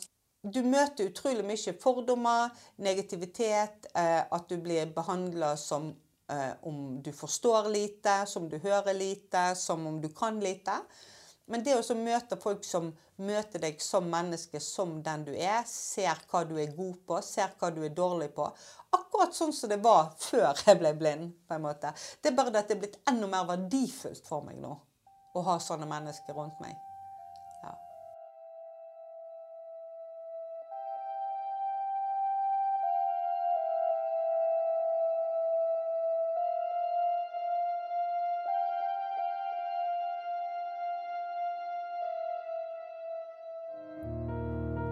For at akkurat du er 100% med. Når jeg skulle konfirmere meg, var jeg vel egentlig litt usikker, for jeg visste ikke hvordan de som jobbet i Tane menighet, kom til å møte meg, og heller ikke om de hadde tilrettelagt undervisningsopplegget. Men det fant jeg ganske fort ut at det hadde de gjort. For de hadde bestilt punktbøker med Nye testamentet i Bibelen, sånn at når de andre leste fra sine bibler med vanlig skrift, kunne jeg lese fra min på punkt. Dette har du hørte her, du, det var et sånt lite utdrag fra en videosnutt fra et e-læringskurs kalt 100 med. Dette kurset lanseres den 2. juni nå, og det er KAB som i stor grad står bak dette kurset, representert av diakon Hilde Gromstad, som har formet det. 100% med det henvender seg til kirkelige ansatte med et ønske om at de med enkle virkemidler skal få lære å få alle med i kirken. Ingen skal ekskluderes. Hilde Gromstad hun har mer om dette. Nei, eh, 100 med. Ja, du lurer på hvorfor vi har kalt kurset det? Mm. Ja. Det spiller nok egentlig mest på at vi har tenkt at dette kurset er til ansatte i kirken. Eh, Så er det ikke sånn at eh, andre ikke kan ta det. Sånn at hvis man jobber i en frimenighet eller i en eh, katolsk menighet eller hva som helst, så er det, ja, det er åpent for alle. Og så vil det nok bli det for frivillige etter hvert. Men vi vil at disse medarbeiderne skal være 100% med i jobben sin. Så de skal være 100% medarbeider. Eh, 100 eh, medspiller. Og så er det jo også selvfølgelig det at vi vil at 100 skal kunne være med i kirken. Så, så på eh, logoen vår så står det 100% med, og så står det under 'et godt sted å være'. Vi vil at kirken skal være et godt sted å være for alle. Så det er det som er hovedmålet med kurset, å, å, å vise ansatte i kirken med små eh, virkemidler kan man la alle få føle seg inkludert, eller ikke ekskludert, i kirkelig sammenheng. Ja. ja. Vi liker, jo, vi liker jo i KAB å snakke om ikke-ekskludering, ikke sant. Vi liker det litt bedre enn eh, inkludering. Da er det noen tips og triks og litt teori da, om, om hva som kan, kan trenges av tilrettelegging for at barn og unge med en funksjonsutfordring, har vi sagt, eh, skal kunne føle seg velkommen i kirken. For det er ikke bare blinde det, det, og svaksynte og synshemmede dette? Det dreier seg om? Nei. Det er ikke det, altså. Eh, tanken dette sprang ut fra, var jo at vi, eh, noen av oss i KAB, reiste rundt og besøkte noen staber, da. For å, for å fortelle om eh, Eller drive med litt opplæring i tilrettelegging for mennesker med mm, synsproblematikk. altså eh, nedsatt syn, eller for så vidt også lesehemming.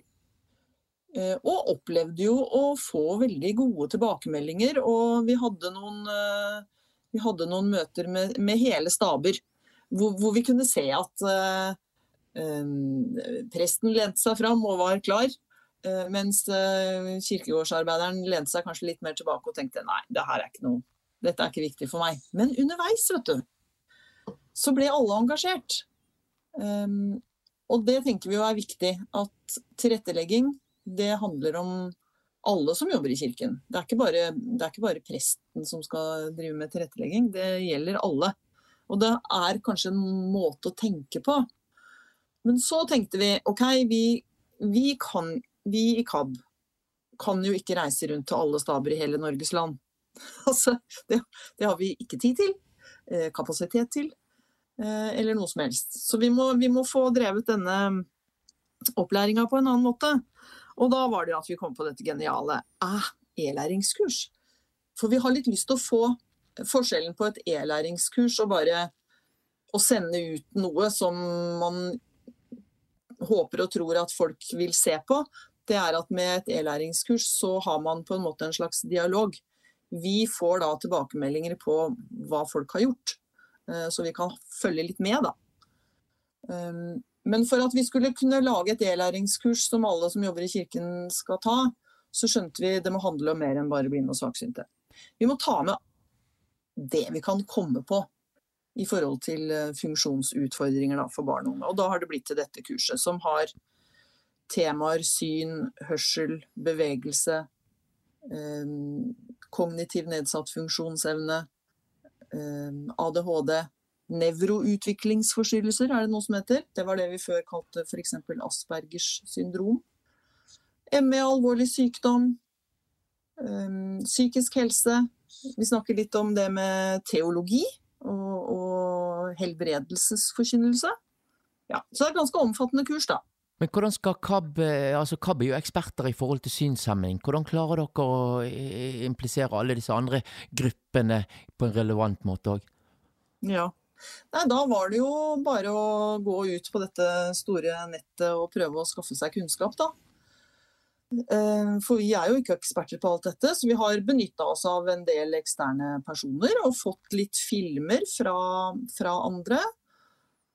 Og så har jeg brukt um, eh, f.eks. når vi har eh, en, en, liten modul om ADHD, så har jeg brukt stoff fra Foreningen ADHD Norge og fått en film fra dem. Og vi har fått film fra um, Handikapforbundet. Eh, vi har fått film fra Døvekirken. Så vi har, vi har knytta til oss eh, eksterne folk, da. Men, men, i forhold til eh, de ulike funksjonsnedsettelser, er det ganske mye felles i forhold til å inkludere disse ulike Eller ikke ekskludere disse ulike gruppene, Hilde? Det er jo det. Eh, det er klart at akkurat i forhold til det med syn, det er jo den største modulen i kurset, det skal sies. Eh, og der har vi mest, mest filmer, for der prøver vi å vise med filmer da, eh, både ledsaging og litt sånn praktisk tilrettelegging. Men i forhold til Det er mange som har mye felles. F.eks. det med å, å um, ikke komme med altfor mye overraskelser når man har et arrangement eller uh, at For mange er det viktig å ha litt forutsigbarhet. Det gir trygghet. Uh, uh, det ser vi går igjen i mange av disse funksjonsutfordringene vi snakker om, da. og så er vel kanskje det viktigste med hele kurset. Vi tenker at dette er et kurs som alle i en stab kan ta. Eh, det skal ta ca. 100 minutter, da. Det er også en sånn greie med den 100 tallet 100. Eh, det går an å dele det opp i flere omganger. Det, det kan nok bli litt overveldende å ta hele kurset i én eh, runde. Men da er det sånn at man får først noe litt film hvor man møter en person som, som forteller litt om hvordan det er å leve med f.eks. nedsatt syn. Der har, vi, der har vi med oss en jente som har vært konfirmant i Tanum kirke, og hennes uh, ungdomsprest. Så forteller de litt om hvordan det var. Og hun forteller litt om hvordan det er å leve med nedsatt syn. Da kommer det litt teori. Det er jo ikke veldig omfattende, men det, det som det er viktigst å kunne litt om. Um, og så kommer det gjerne en film til med litt tips og triks. og og vi har um, en quiz, da. Det er det som er greia. At du må, liksom, du må, svare på noen spørsmål for å komme videre, da. Uh, og når man har tatt hele kurset, som skal ta ca. 100 minutter, så blir man Da får man et uh, sånn uh, bevis på at du har tatt kurset. Og når hele staben på et kirkekontor har gjort dette, da kan man bli sertifisert. Men underveis her så er det også kanskje noe av det viktigste det er at vi gir noen spørsmål. Sånn at man må reflektere litt over egen praksis. Eh, og da håper vi jo at, at um, disse stabene kan sette seg sammen. Og det kan man jo bruke så lang tid man vil på. Hvordan skal dere få folk til å gjøre dette her da, Hilde? Ja, ikke sant. Det er jo det vi også har tenkt på at uh, det er dumt å ha et sånt flott kurs som bare noen spesielt interesserte tar. Og da er det jo ofte de som er spesielt interessert i dette temaet. Det er kanskje de som ikke trenger å ta kurset. Så når vi starta da, i Borg, var derfra dette begynte. Vi fikk penger fra Kirkerådet, seksjon for trosopplæring, til å lage et kurs, og da søkte vi sammen med Borg bispedømme. For vi tenkte det var lurt å ha med seg Kirken når vi først skulle lage et kurs for kirkelig ansatte. Um, og da presenterte vi etter hvert, når vi hadde fått liksom, Vi så for oss hvordan dette skulle bli. Uh, så hadde vi med oss biskopen og leder for kirkevergelaget. Som heter Bård Bårdsen. I mellomtiden har det blitt en ny biskop. da. Når vi starta dette, så var det Atle Sommerfelt. Nå er det en som heter Kari. Men greia er at eh, både biskopen og leder for kirkevergelaget sa dette er så viktig at vi vil at alle ansatte i Borg skal ta kurset. Eh, så nå er det sånn at det er jo proster, da. Prostene kan si til sine prester eh, dette kurset skal dere ta. Og Bård Bårdsen sier når jeg vet hvor viktig et sånt kurs er, og jeg ser at det tar 100 minutter, så kan jeg legge dette inn i arbeidsplanene til de som er ansatt av Fellesrådet. For det er jo to sånne arbeidsgiverlinjer i kirken, vet du. Sånn at dette kurset kan ansatte bli pålagt å ta. Du gir deg ikke der? Nå, nei, jeg gir meg ikke der. Og vi har jo nå eh, lagt inn hver eneste lille menighet i hele Norges land. Og det aller viktigste vi tenker at folk skal lære av dette kurset, vet du hva det er? Nei. Nei. Hva, hva, syns, hva syns du det burde være? Eh, nå spør du så vanskelig, Hilde, Hilde på tidlig på morgenen, så jeg eh, men, men, men, det er ikke så vanskelig, skjønner du, Kurt Ove. For det aller viktigste, tenker vi, det er at vi må bli flinkere til å spørre. Vi må tørre å spørre den det gjelder. Hva må til for at du skal få det bra her hos oss? Hilde, 100 eh, med 100 minutt, men ikke alle kan eh, ta dette like smertefritt, dette kurset, e-læringskurset. Eh, det er litt vanskelig når man ikke ser, Hilde. Hva, ikke det litt sånn et tankekors? Jo, det er det veldig. Det er noe vi har holdt på med siden vi starta. Nå er jo det tre-fire år siden. Eh, vi vet jo veldig klart og, og smertelig i KAB at eh, det er noe som heter VKAG. Og det er noen punkter som skal oppfylles. Nå er det sånn at e-læringskurs det har jo, For det første så har det jo kommet for å bli, men det er dessverre veldig vanskelig å finne et e-læringsverktøy som er helt universelt utforma. Vi har vært i kontakt med de fleste. Vi har hatt en lang prat med Blindeforbundet. Og enn så lenge så finnes det faktisk ikke.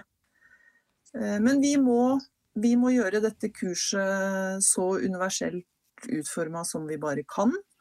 Eh, men vi ser at det foreløpig faktisk ikke funker optimalt. Men, men vi tenker jo allikevel at det vi skal fortelle om, det er så viktig at vi kan ikke bare la det være. Og så jobber vi med det hele tiden. Og tenker at det er det som er fint med et sånt e-læringskurs, at det kan flyttes rundt. Uh, hvis vi finner et, et sånt e-læringsverktøy, dvs. Si, det er vanskelig å forklare da, men da kan, vi, da kan vi overføre alt innholdet i, en, um, i et format som gjør det enda bedre og universelt utforma. Men vi er dessverre ikke helt der enda, men, men vi jobber med saken. Dette blir ikke glemt? Nei, overhodet ikke. Det var Hilde Grumstad det som fortalte om kurset 100% med, som skal lanseres altså nå den 2. juni. Spennende det. Og det kan òg presiseres at eh, KAB har leitet med lys og lupe, ikke det det heter, for å finne en universelt eh, god løsning for dette e-læringskurset, både nasjonalt og internasjonalt. og det har vært kontakt med ulike kompetansemiljøer på dette området, uten hell ennå. Og i Norge så har vi jo Media LT, og de jobber nå med denne løsningen her for å se om de kan gjøre den bedre universelt utformet. Nå, nå er det en viktig melding her, du skjønner du. For 15. til 18. september inviterer vi syns- og lesehemmede til å bli med på en reise til Nordisk konferanse 2022. Denne gangen er Sverige vertsland. Vi setter oss på fellestransport her eh, fra Norge og reiser sammen til den vakre vestkysten av Sverige. Der skal vi bo på Å stiftsgård ikke langt fra Uddevalla er den. Og den er, det er vakre omgivelser der, og det er en kirke på området. Og den skal selvfølgelig benyttes mye. Temaet det er min plass i kirken, muligheter og utfordringer for meg som synshemmet. Og det koster jo noe, dette her. Eh, pris på Å, der har de da to ulike standarder. Du har hotellstandard, enkeltrom det blir 4200 kroner, og det er full pensjon. Eh, hotell dobbeltrom, det koster da 3200 kroner per person med full pensjon. Og så har de vandrehjemstandard, enkeltrom med felles toalett og bad i gangen. Der koster det altså 3650, og dobbeltrom, det koster 2650 kroner per pers. Og begge disse prisene er med full pensjon. Så her, du, her er det bare å slenge seg på telefonen og, og ringe 69 81 69 81. Og eh, det står her òg at makspris på reisen for eh, medlemmer er det 500 kroner. Og ikke du medlem, så blir det dyrere. Men det er ikke så dyrt å bli medlem, så bare meld deg inn, du.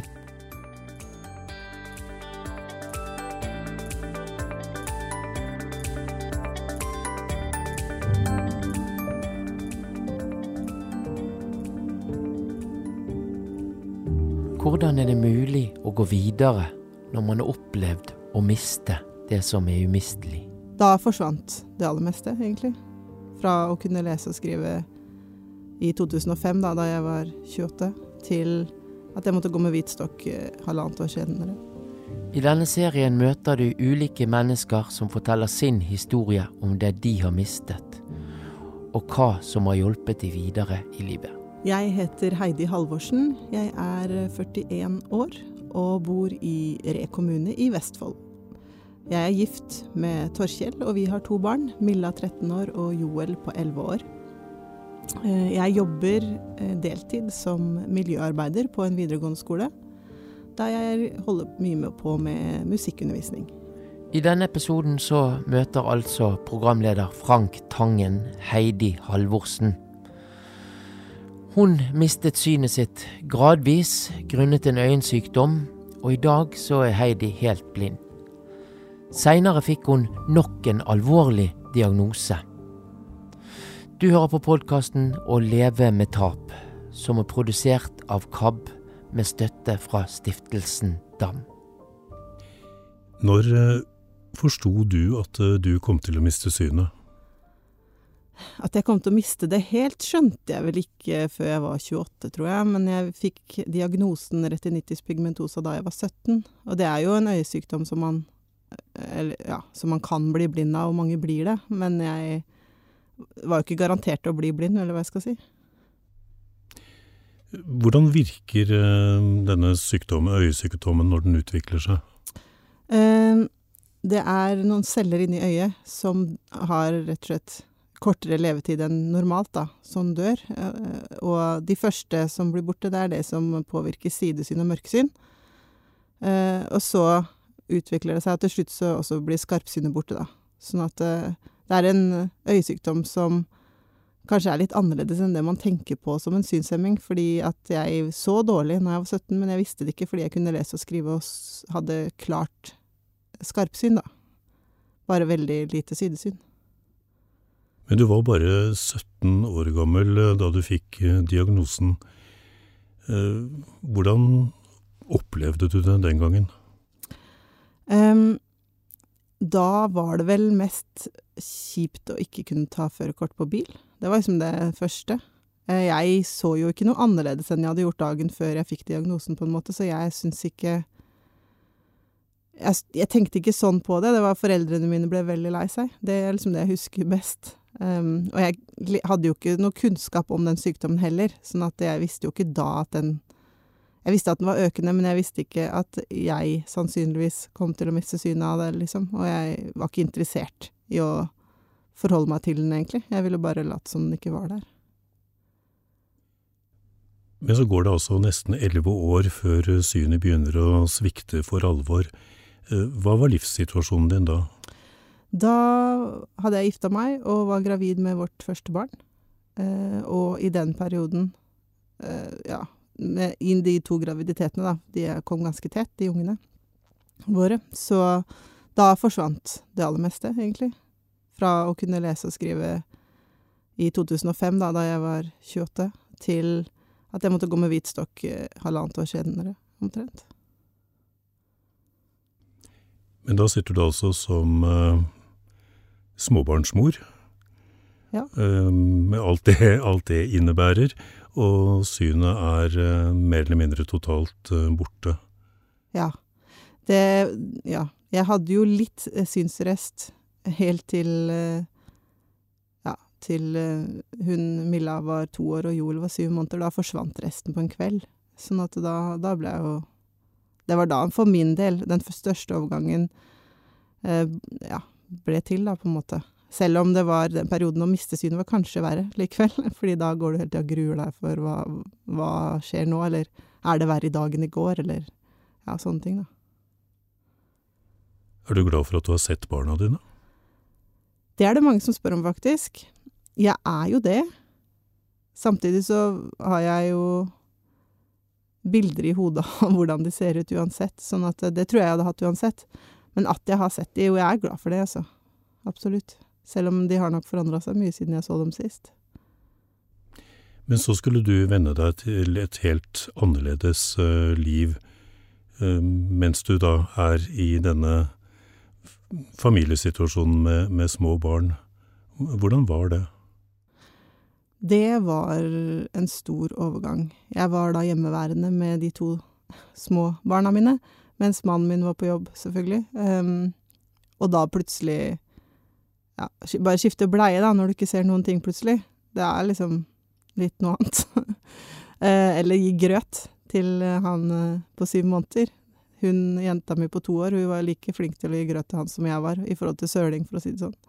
Så at det var jo mye Mange ting som ble veldig knotete, da. Smøre brødskiver til dattera mi òg. Det ble ikke så pent, da. Men Og mye søl. Mye gris. Og, men samtidig så var det jo ikke noe jeg Hadde jo ikke noe valg, på en måte. Jeg kunne jo ikke bare sette meg ned og gi opp heller. Og jeg, jeg var vel så overraska sjøl i starten òg at liksom Det falt meg ikke inn. Vi fikk liksom ikke sagt det til noen andre at eh, hjelp, nå, nå er det krise her. Så vi kom oss liksom gjennom dag for dag, da. Eh, mye Det ble jo mye ekstra på mannen min også, selvfølgelig. Eh, en del ting jeg ikke fikk gjort særlig bra hjemme, da. Som å vaske gulver og sånn. Ja, hvordan har det påvirket familielivet og samarbeidet mellom dere to senere? Eh, I den perioden når alt var nytt, så var det ikke så bra. Eller sånn. Fordi mannen min nå ble veldig, veldig sliten. Eh, så han gikk på en smell litt seinere. Men sånn når vi kom oss på beina som familie igjen, så har vi jo funnet en arbeidsfordeling som fungerer, og vi har også fått litt hjelp som vi har hjelp til å vaske hus og sånn. Og det er bra. Ellers så har vi liksom kanskje litt mer naturlige fordelinger på ting, fordi at jeg ikke kan gjøre allting, men så deler vi på det, og så blir det liksom litt sånn Det er ikke så ofte vi bytter på arbeidsoppgavene, da, fordi at sånne arbeidsoppgaver vi har, det er liksom det som funker, da. Men det funker jo. Eh, ja, jeg står for klesvaska. Han vasker gulv og støvsuger og sånn, for det er ikke jeg så god til å få rent, i hvert fall. Vinduene eller er jeg ikke så flink til å få reine. Eh, matlaging deler vi litt på.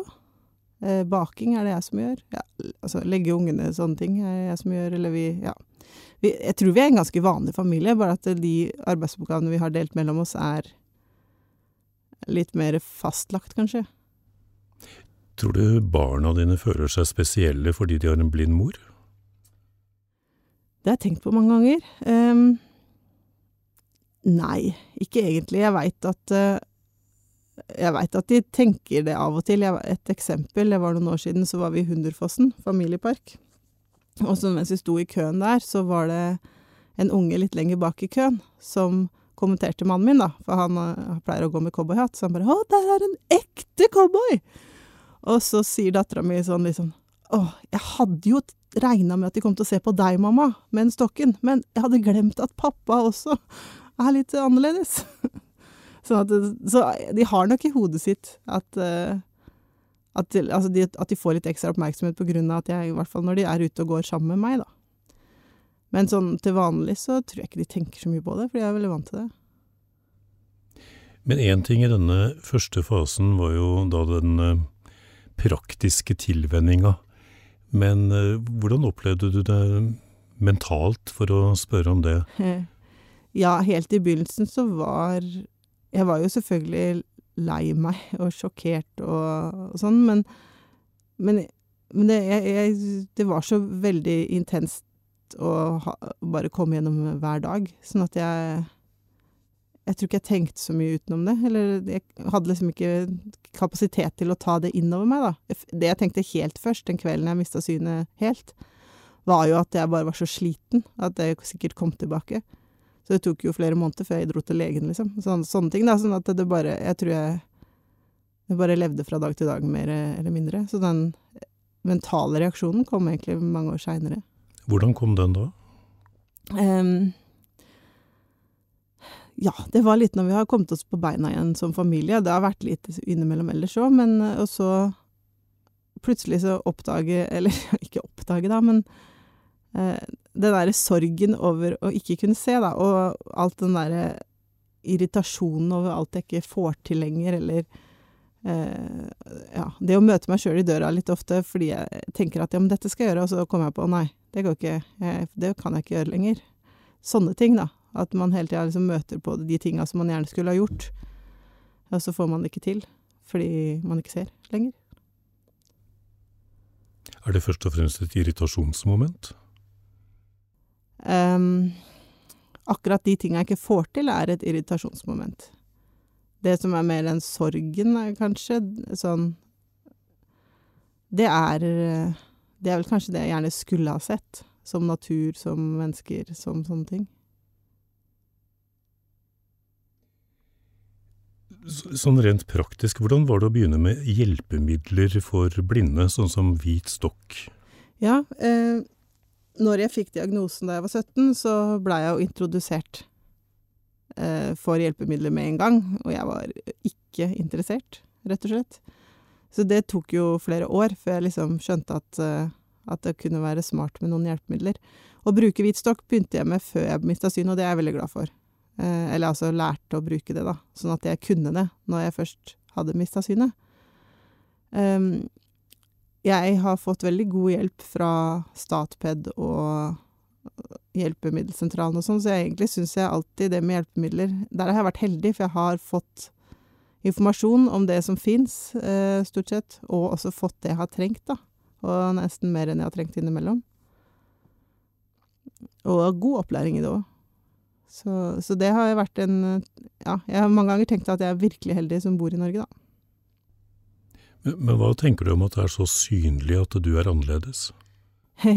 ja, sånn ja. Eh, det tok jo lang tid å begynne å bruke hvitstokk. Jeg skulle ha gjort det for lenge siden før jeg gjorde det, men, men eh, Ja, og det er nettopp på grunn av det, at eh, når du går med den hvite stokken, så syns det hva, hva det er med deg, liksom. Det, akkurat nå er jeg helt annerledes. Nå tenker jeg at det er en fordel. Jeg er kjempeglad for at folk ser hva det er med meg. Hvorfor jeg kanskje ikke finner fram, eller sånn. Før så kunne jeg jo ofte få kjeft. Se da for, da! Eller at de trodde jeg var full, eller sånn, da. Så det, men da så jeg jo litt. Men jeg så liksom litt for lite til å orientere meg greit ute. Men så var det det at jeg likte veldig, veldig godt å sitte og lese på toget når jeg studerte, for eksempel, i Oslo, og pendla. Og da syntes jeg det var skikkelig flaut å gå med hvit stokk inn på toget og så sette meg og lese. Det turte jeg ikke. Så da lot jeg stokken bli, og så satt jeg og leste på toget. Og eller krasja litt i folk, da. Merket du at folks holdninger til deg forandret seg da du mistet synet helt? Eh, ikke holdninger hos de jeg kjente fra før. De har eh, ikke forandra seg. Da er jeg fremdeles eh, meg. Men eh, jeg har merka veldig forskjell på folk jeg møtte for første gang, eh, fra jeg så til jeg ikke kunne se. Selv om jeg var veldig svaksynt før. Idet du går og møter folk med en hvit stokk og ikke kan se, så Jeg opplever i hvert fall det, at da har jeg blitt møtt på en annen måte, da. Um, da blir det blindheten som blir fokus, og ikke meg, kanskje. I begynnelsen, i hvert fall. I forhold til hva de tror jeg kan nå. For eksempel i forhold til det med å søke jobb, da. Ja, blir, ja, blir du sett på som et menneske som først og fremst trenger hjelp, mer enn en som kan yte noe? Ja, det tror jeg. Eh, det er nok riktig. Fordi altså Setter du deg ned og lukker øya og tenker at sånn Heidi har det, så er det ikke så langt du kanskje kommer, da. Da kanskje du ikke kommer ut av senga engang, jeg vet ikke. Men eh, ja, i, ja. Men jeg har jo trent på det. Så det er jo mange ting som folk tenker at jeg ikke kan, men som jeg selvfølgelig kan. Som ikke er noe problem i det hele tatt. Som å gå i trapper òg, da, for eksempel. Ja, for det har du også møtt, at du som er blind har vel problemer med å gå i trapper? Ja, jeg var på et sånt eh, jobbintervju en gang. Eh, Det var i forhold til å prøve meg som musikklærer på en kulturskole. Og da sier hun som var rektor der, bare Nei, du skjønner det blir nok litt vanskelig, for klasserommet vårt er i tredje etasje. Og så satt jeg og tenkte ja, hva så, liksom? Men så skjønte jeg jo det at hun selvfølgelig trodde at jeg ikke kunne gå i trapper. Og så tenker jeg, hvor mye annet sitter hun og tror at jeg ikke kan? Da har jeg liksom ikke sjans, da, eh, til å, ja, til å komme inn her, hvis hun Fordi hun tror så mye, jeg klarer ikke å forestille meg alt hun tror heller, så da er det ikke så lett å si Fortelle alt, eh, alt jeg kan. Det er ikke det jeg tenker på å si i et jobbintervju, i hvert fall, at jeg kan gå i trapper. Du skriver mye, blant annet eh, dikt. Og jeg har bedt deg ta med et par av diktene dine. Mm. Eh, jeg tenkte kanskje du skulle lese det første nå? Ja, det heter Er du der?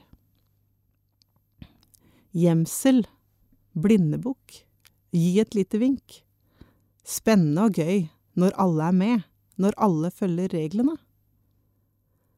Men nå har jeg stått her lenge, ropt at alle skal komme fram. Sagt at jeg ikke klarer å finne deg. Hvorfor følger du ikke reglene? Har du gått din vei uten å si fra?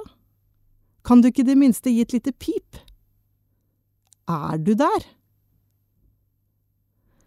Ja, jeg har slutta å rope. Jeg har slutta å lete. Jeg har gått og gjemt meg under dyna.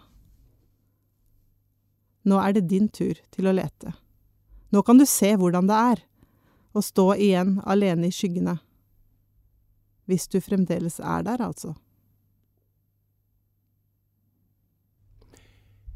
Det leder oss inn på det neste jeg tenkte å, å snakke litt med deg om. Eh, Du vanket i kristne menigheter, og det gjør du for så vidt fortsatt. ja. Tenkte du noen gang på helbredelse ved bønn? Jeg har vanka i kristne fellesskap der det er veldig vanlig, med forbønn og snakk om helbredelse og bønn om helbredelse. Så jeg har jo ikke unngått å tenke på det, for å si det sånn, da. Um, vi gikk på en bibelskole da jeg mista synet eh, for elleve år sia, og det er klart at det påvirka de medelevene mine og de jeg var sammen med da, veldig. Um, og så de de ba mye for meg, selv om jeg ville eller ikke, holdt jeg på å si. Uh, det er vel ikke veldig ofte jeg har vært tenkt sjøl at jo, jeg vil gå og bli bedt for uh, i forhold til synet. Men ofte så har jeg blitt det likevel, for når du kommer fram og med hvit stokk et sted det er forbønn, da, uansett hva det er, så er det første folk som regel ber om, er helbredelse for synet, selv om jeg ikke har sagt noe om det, da. Um, jeg syns det er et vanskelig tema, og det har jeg egentlig alltid syntes. Men spes kanskje spesielt de siste åra, egentlig. Når vi ikke går i den type miljø som har en sånn aktiv forbønnssetting, da, lenger. Eh, Ja, det har liksom vært vel Det har gjort meg ikke noe særlig godt, i hvert fall. Det har jeg funnet ut i etterkant. Venta du noen gang å bli helbreda? Nei, jeg gjorde ikke det. Det jeg syntes var verst, var at jeg følte at eh, at jeg ødela troen til noen andre, de som ba, da. Eh, fordi at jeg ikke skjedde jo ikke noe. Og så den der forventningen som ligger i lufta etterpå, ikke sant. Så sitter du bare og føler deg skikkelig dust, fordi det skjedde jo ingenting. Og så føler man jo litt at Ja, man blir litt sånn derre ja, Gud bryr seg ikke, liksom. Eller har jeg gjort noe gærent? Eller ja, jeg tror jo ikke uansett på det, så det er ikke rart det ikke skjer noe. Det, det er tanker som veldig fort kommer, da. Hva er svaret på det? Det er jo forskjell på hva man føler svaret er, enn hva man vet, ikke sant. Um, jeg tror det er veldig få som vil helt klart si at nei, det er din feil fordi du trodde ikke nok. Det tror jeg ikke det er så mange som sier, i hvert fall ikke direkte ut. Selv om teologien kan ofte bikke den veien, eller i hvert fall den som blir, ja, blir bedt for, da, kan sitte igjen med den følelsen. Um, Nei, vi lever jo i en verden der som er Der det er mye dumt som skjer. Både av sykdom og krig og andre, andre fæle ting. Så jeg tenker jo at At sånn er det å være i denne verden, da. Egentlig gjør jeg jo det. Men jeg får problemer hver gang jeg møter på sånn forbønnsforespørsler, for å si det sånn. Men hvordan oppleves det når folk ber om at du skal bli helbredet, uten at du egentlig har ønsket at de skal gjøre det? Det er ganske vanskelig. Jeg hadde en Jeg, var frivillig pianolærer på en bibelskole, og skulle, kom dit for å ha pianoundervisning med elevene. Og så kom det da en av de ivrige bibelskoleelevene inn da, og hadde fått et syn fra Gud, sa hun da om at jeg skulle få syn tilbake. Og så hadde hun med seg to digre blader som hun la på øya mine, sånne grønne blader. Og så sa 'gå og vask deg, så ser du'. Og så blir man blir helt satt ut. Så, og så er jeg ikke så veldig tøff i trynet heller, så jeg kunne jo bare sagt 'vet du hva, det her, det her er helt feil setting', eller 'dette passer ikke nå', eller 'det her er ikke greit'. Men jeg gikk jo ut, da. uh, og jeg visste ikke hva jeg skulle gjøre, liksom, for jeg, jeg måtte jo gå inn der, for jeg skulle jo ha pianoundervisning med noen andre. Sånn at jeg måtte komme tilbake igjen. Så det var ganske du, Ja. Jeg gikk jo inn, og det hadde jo ikke skjedd Jeg visste ikke hva jeg skulle si, og så blir man Jeg blir veldig lei meg etterpå. Sånn Man føler seg liksom maktesløs, liksom. Men er ikke dette et, et overgrep? Noen kaller det jo det, så jeg veit liksom ikke Jeg veit at hun som gjorde det, gjorde det jo ikke i vond mening, så det er det som jeg syns er vanskelig. Fordi hun trodde hun gjorde meg en tjeneste. På en måte, da. Noen sier at troen på en uh, kjærlig Gud er med å holde dem oppe gjennom kriser. Mm. Men kan en sånn tro også bli en belastning? Ja, det kan det. Fordi eh, når jeg mista synet, så opplevde jeg det sånn at det var en, ikke en belastning, men en styrke. Eh, at selv om jeg mista synet, selv om jeg eh, ja, mista også funksjoner, altså at jeg ikke klarte å gjøre så mye som jeg klarte før, da. Kanskje ma mange tenkte at nei, det, dette går ikke, dette kan ikke du gjøre lenger, eller dette får du ikke til. Så hadde jeg en veldig sterk tro på at ja, men Gud har tommelen opp for meg. Han, han kjenner meg, han veit om det, alt det her. Han må jo ha en plan, sånn at han kan ikke liksom slutte å ha bruk for meg selv om jeg mister synet. Så det holdt meg veldig oppe da. Um, men ja, i etterkant så syns jeg ikke det er så enkelt, bare. Fordi det blir så mange spørsmål om Ja, bryr han seg egentlig, eller har han en plan, eller hvorfor Ja, eller det blir så mange ting som virker veldig tilfeldig, da. Så det blir veldig ja, Jeg vet ikke om jeg er til å holde på den, dessverre. Hva med bare å droppe hele greia? ja, jeg skjønner de som gjør det, faktisk. Men jeg klarer ikke å gjøre det. Jeg, jeg vet ikke, det er et eller annet inni meg som bare er så befesta i at Gud fins, kanskje. For ikke så veldig lenge siden fikk du en ny diagnose. Ja.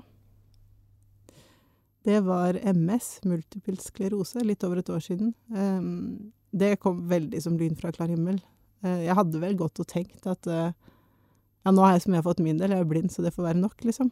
Og så får man en ting til. Og selvfølgelig er, er, man, er det jo sånn livet er. Man er jo ikke spart for én ting, selv om man har noe annet. Men jeg ble veldig sjokka, egentlig. Ja. Eh, ja. Ble, ble det samme prosessen en gang til? Er det det du Det er oppi nå? Det ligner mye på å miste synet, fordi Eller selv om nå er Det som er hovedforskjell sånn rent sånn uh, helsemessig, holdt jeg på å si, er jo at uh, MS har eh, Det fins medisiner, da. Eh, Gode medisiner. Eh, det fins det ikke for den øyesykdommen jeg hadde. Sånn at det er jo mer håpfullt i den forstand. Eh, men det å få en diagnose og få noe nytt å forholde seg til, og noe som um, er ikke stabilt Altså, du har Det ikke ja, Det kan forandre seg, da. Den, den greia der med å forholde seg til noe sånt på nytt, det ligner veldig på det mistesynet. Og det har vært egentlig en god hjelp på mange måter òg, fordi jeg har på en måte kjent igjen reaksjonene mine fra forrige gang, da. Eh, Og jeg veit at eh, sånn her kommer det ikke til å forbli. Jeg veit at det blir bedre. Og det har vært egentlig fint. Det som har vært annerledes, er eh, hvordan jeg og Gud har det sammen, holdt jeg på å si. Nå og før, da.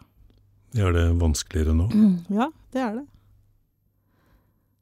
Den dikt jeg leste i stad òg, sier jo litt om det. At jeg syns at eh, Jeg finner den ikke, liksom.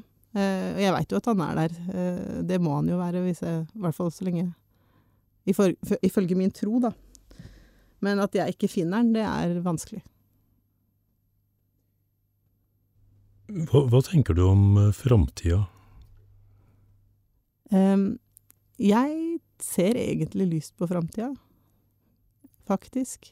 Uh, det er litt over et år siden jeg fikk MS, Uh, og det har roa seg ned i forhold til hvordan jeg tenker om sykdommen.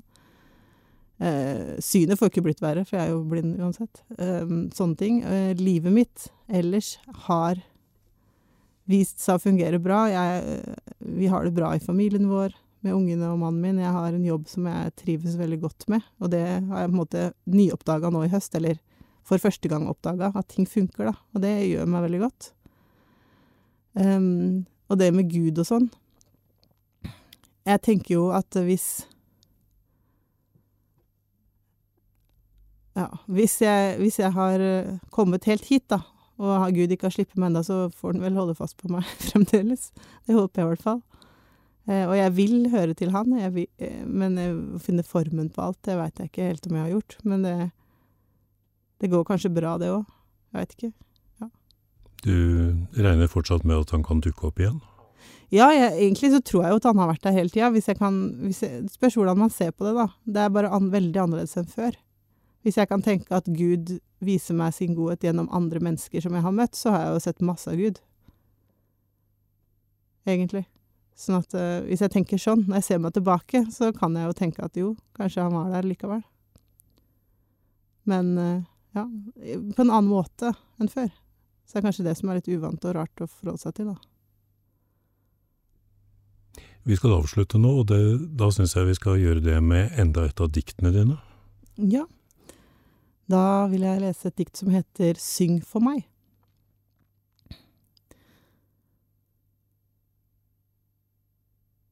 Når tonene har stilnet, når sangen min er borte, når tausheten tar over, kan du synge for meg da? Når stemmen ikke bærer, når hjertet er for tungt, når munnen holdes lukket, kan du synge for meg da? Når tvilen roper høyest, når redsel kveler lyden, når forvirringen tar over, kan du synge for meg da? For når du synger, tennes håpet. Når du synger, får jeg trøst. Når du synger, får jeg hvile. Så kan du synge for meg da. Sangen du synger, blir hans sang til meg. Sangen du synger, blir min. Sangen du synger, bryter gjennom alle murer. Den når inn i mitt innerste rom. Så syng for meg når motet svikter. Syng for meg når Gud er taus. Syng for meg i nattens redsler. Bare syng for meg. Syng for meg.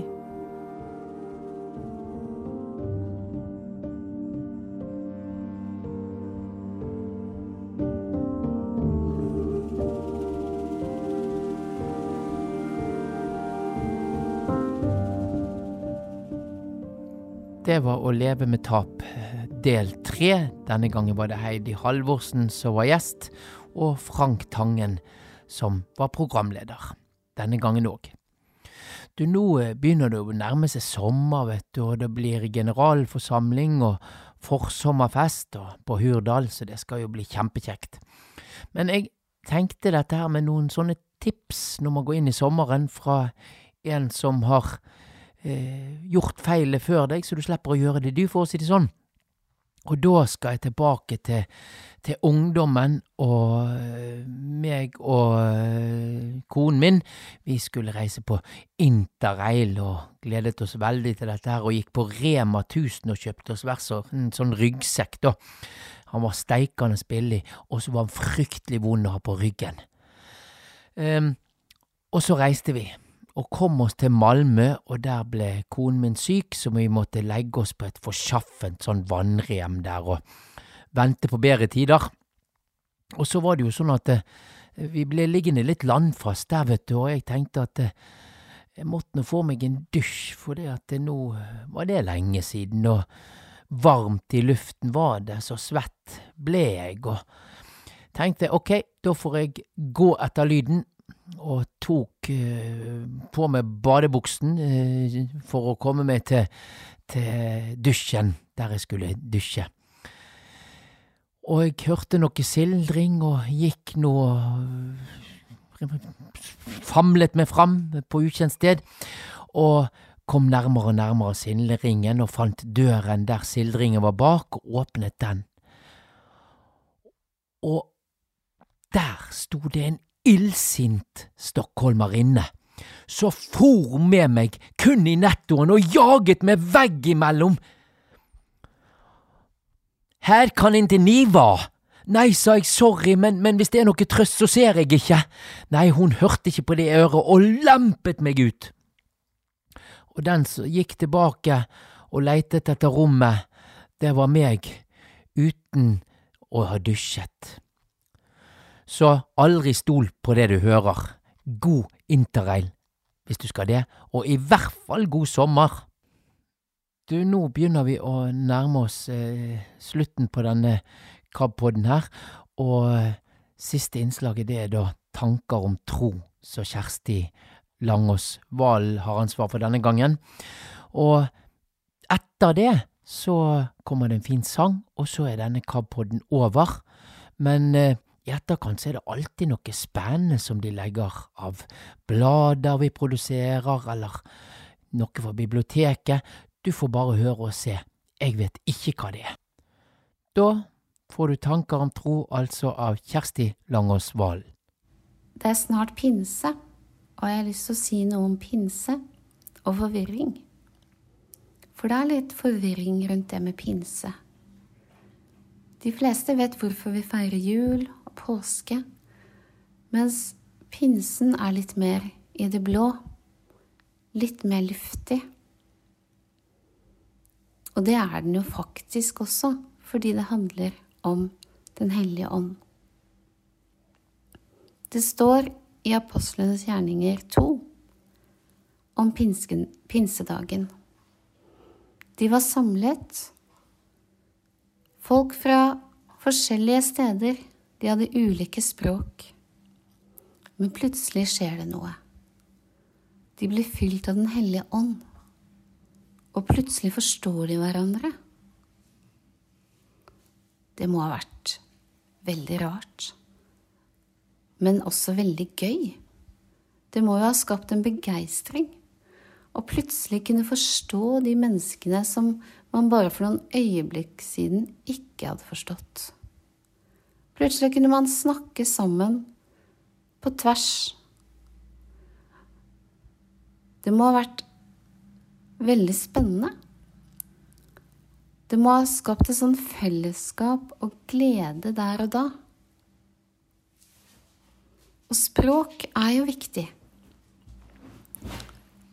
Vi kan merke det på de små barna, hvor frustrerte de blir når de ikke blir forstått. Når ikke de voksne forstår hva de vil, og hva de ikke vil.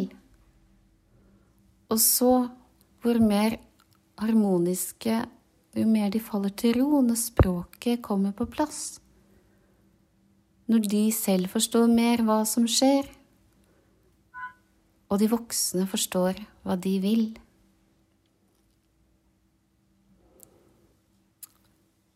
Det er derfor fint å lære seg forskjellige språk også, så man kan snakke med folk fra ulike land når man er på reise, eller man kan forstå musikk på ulike språk.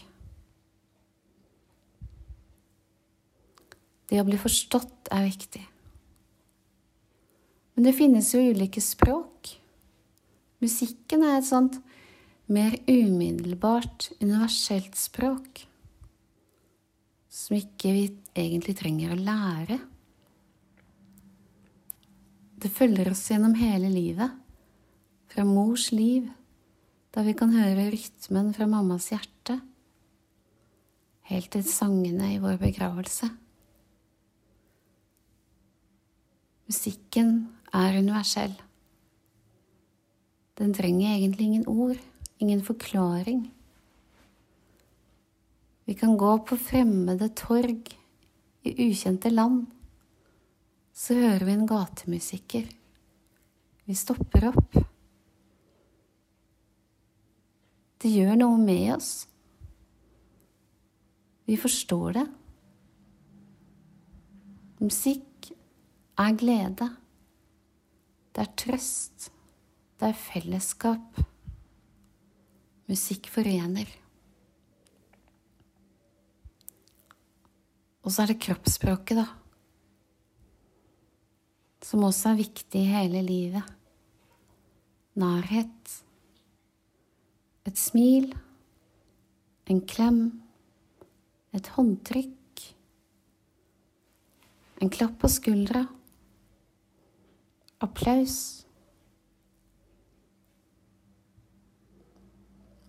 Barna er gode på det språket også, de. De klatrer opp på fanget vårt. De dytter sin lille hånd inn i vår. De klamrer seg til et ben for beskyttelse.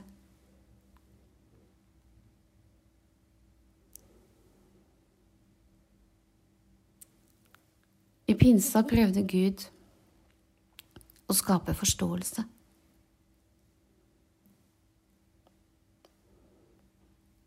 Gud forstår hvor viktig det er å bli forstått og å forstå.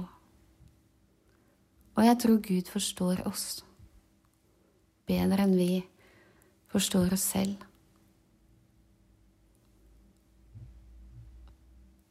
Den fine bønnen til Frans av Assisi har også dette med seg. Herre, la meg søke ikke så meget å bli forstått som å forstå.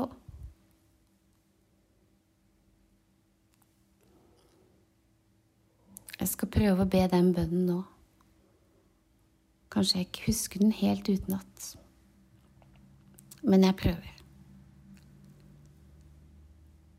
Herre, gjør meg til et redskap for din fred. La meg bringe kjærlighet der hatet råder. La meg bringe tilgivelse der urett er begått. La meg skape enighet der uenighet råder. La meg bringe tro der tvilen råder.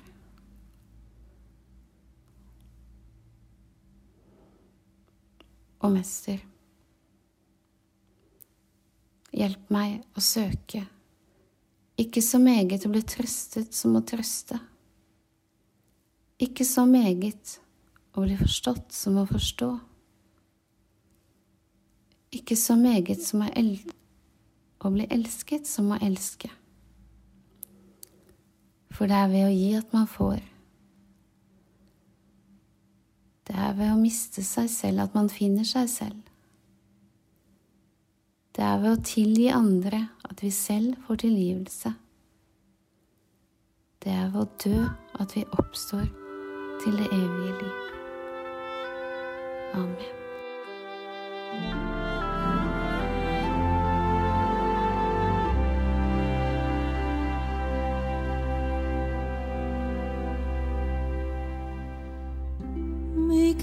channel of your peace.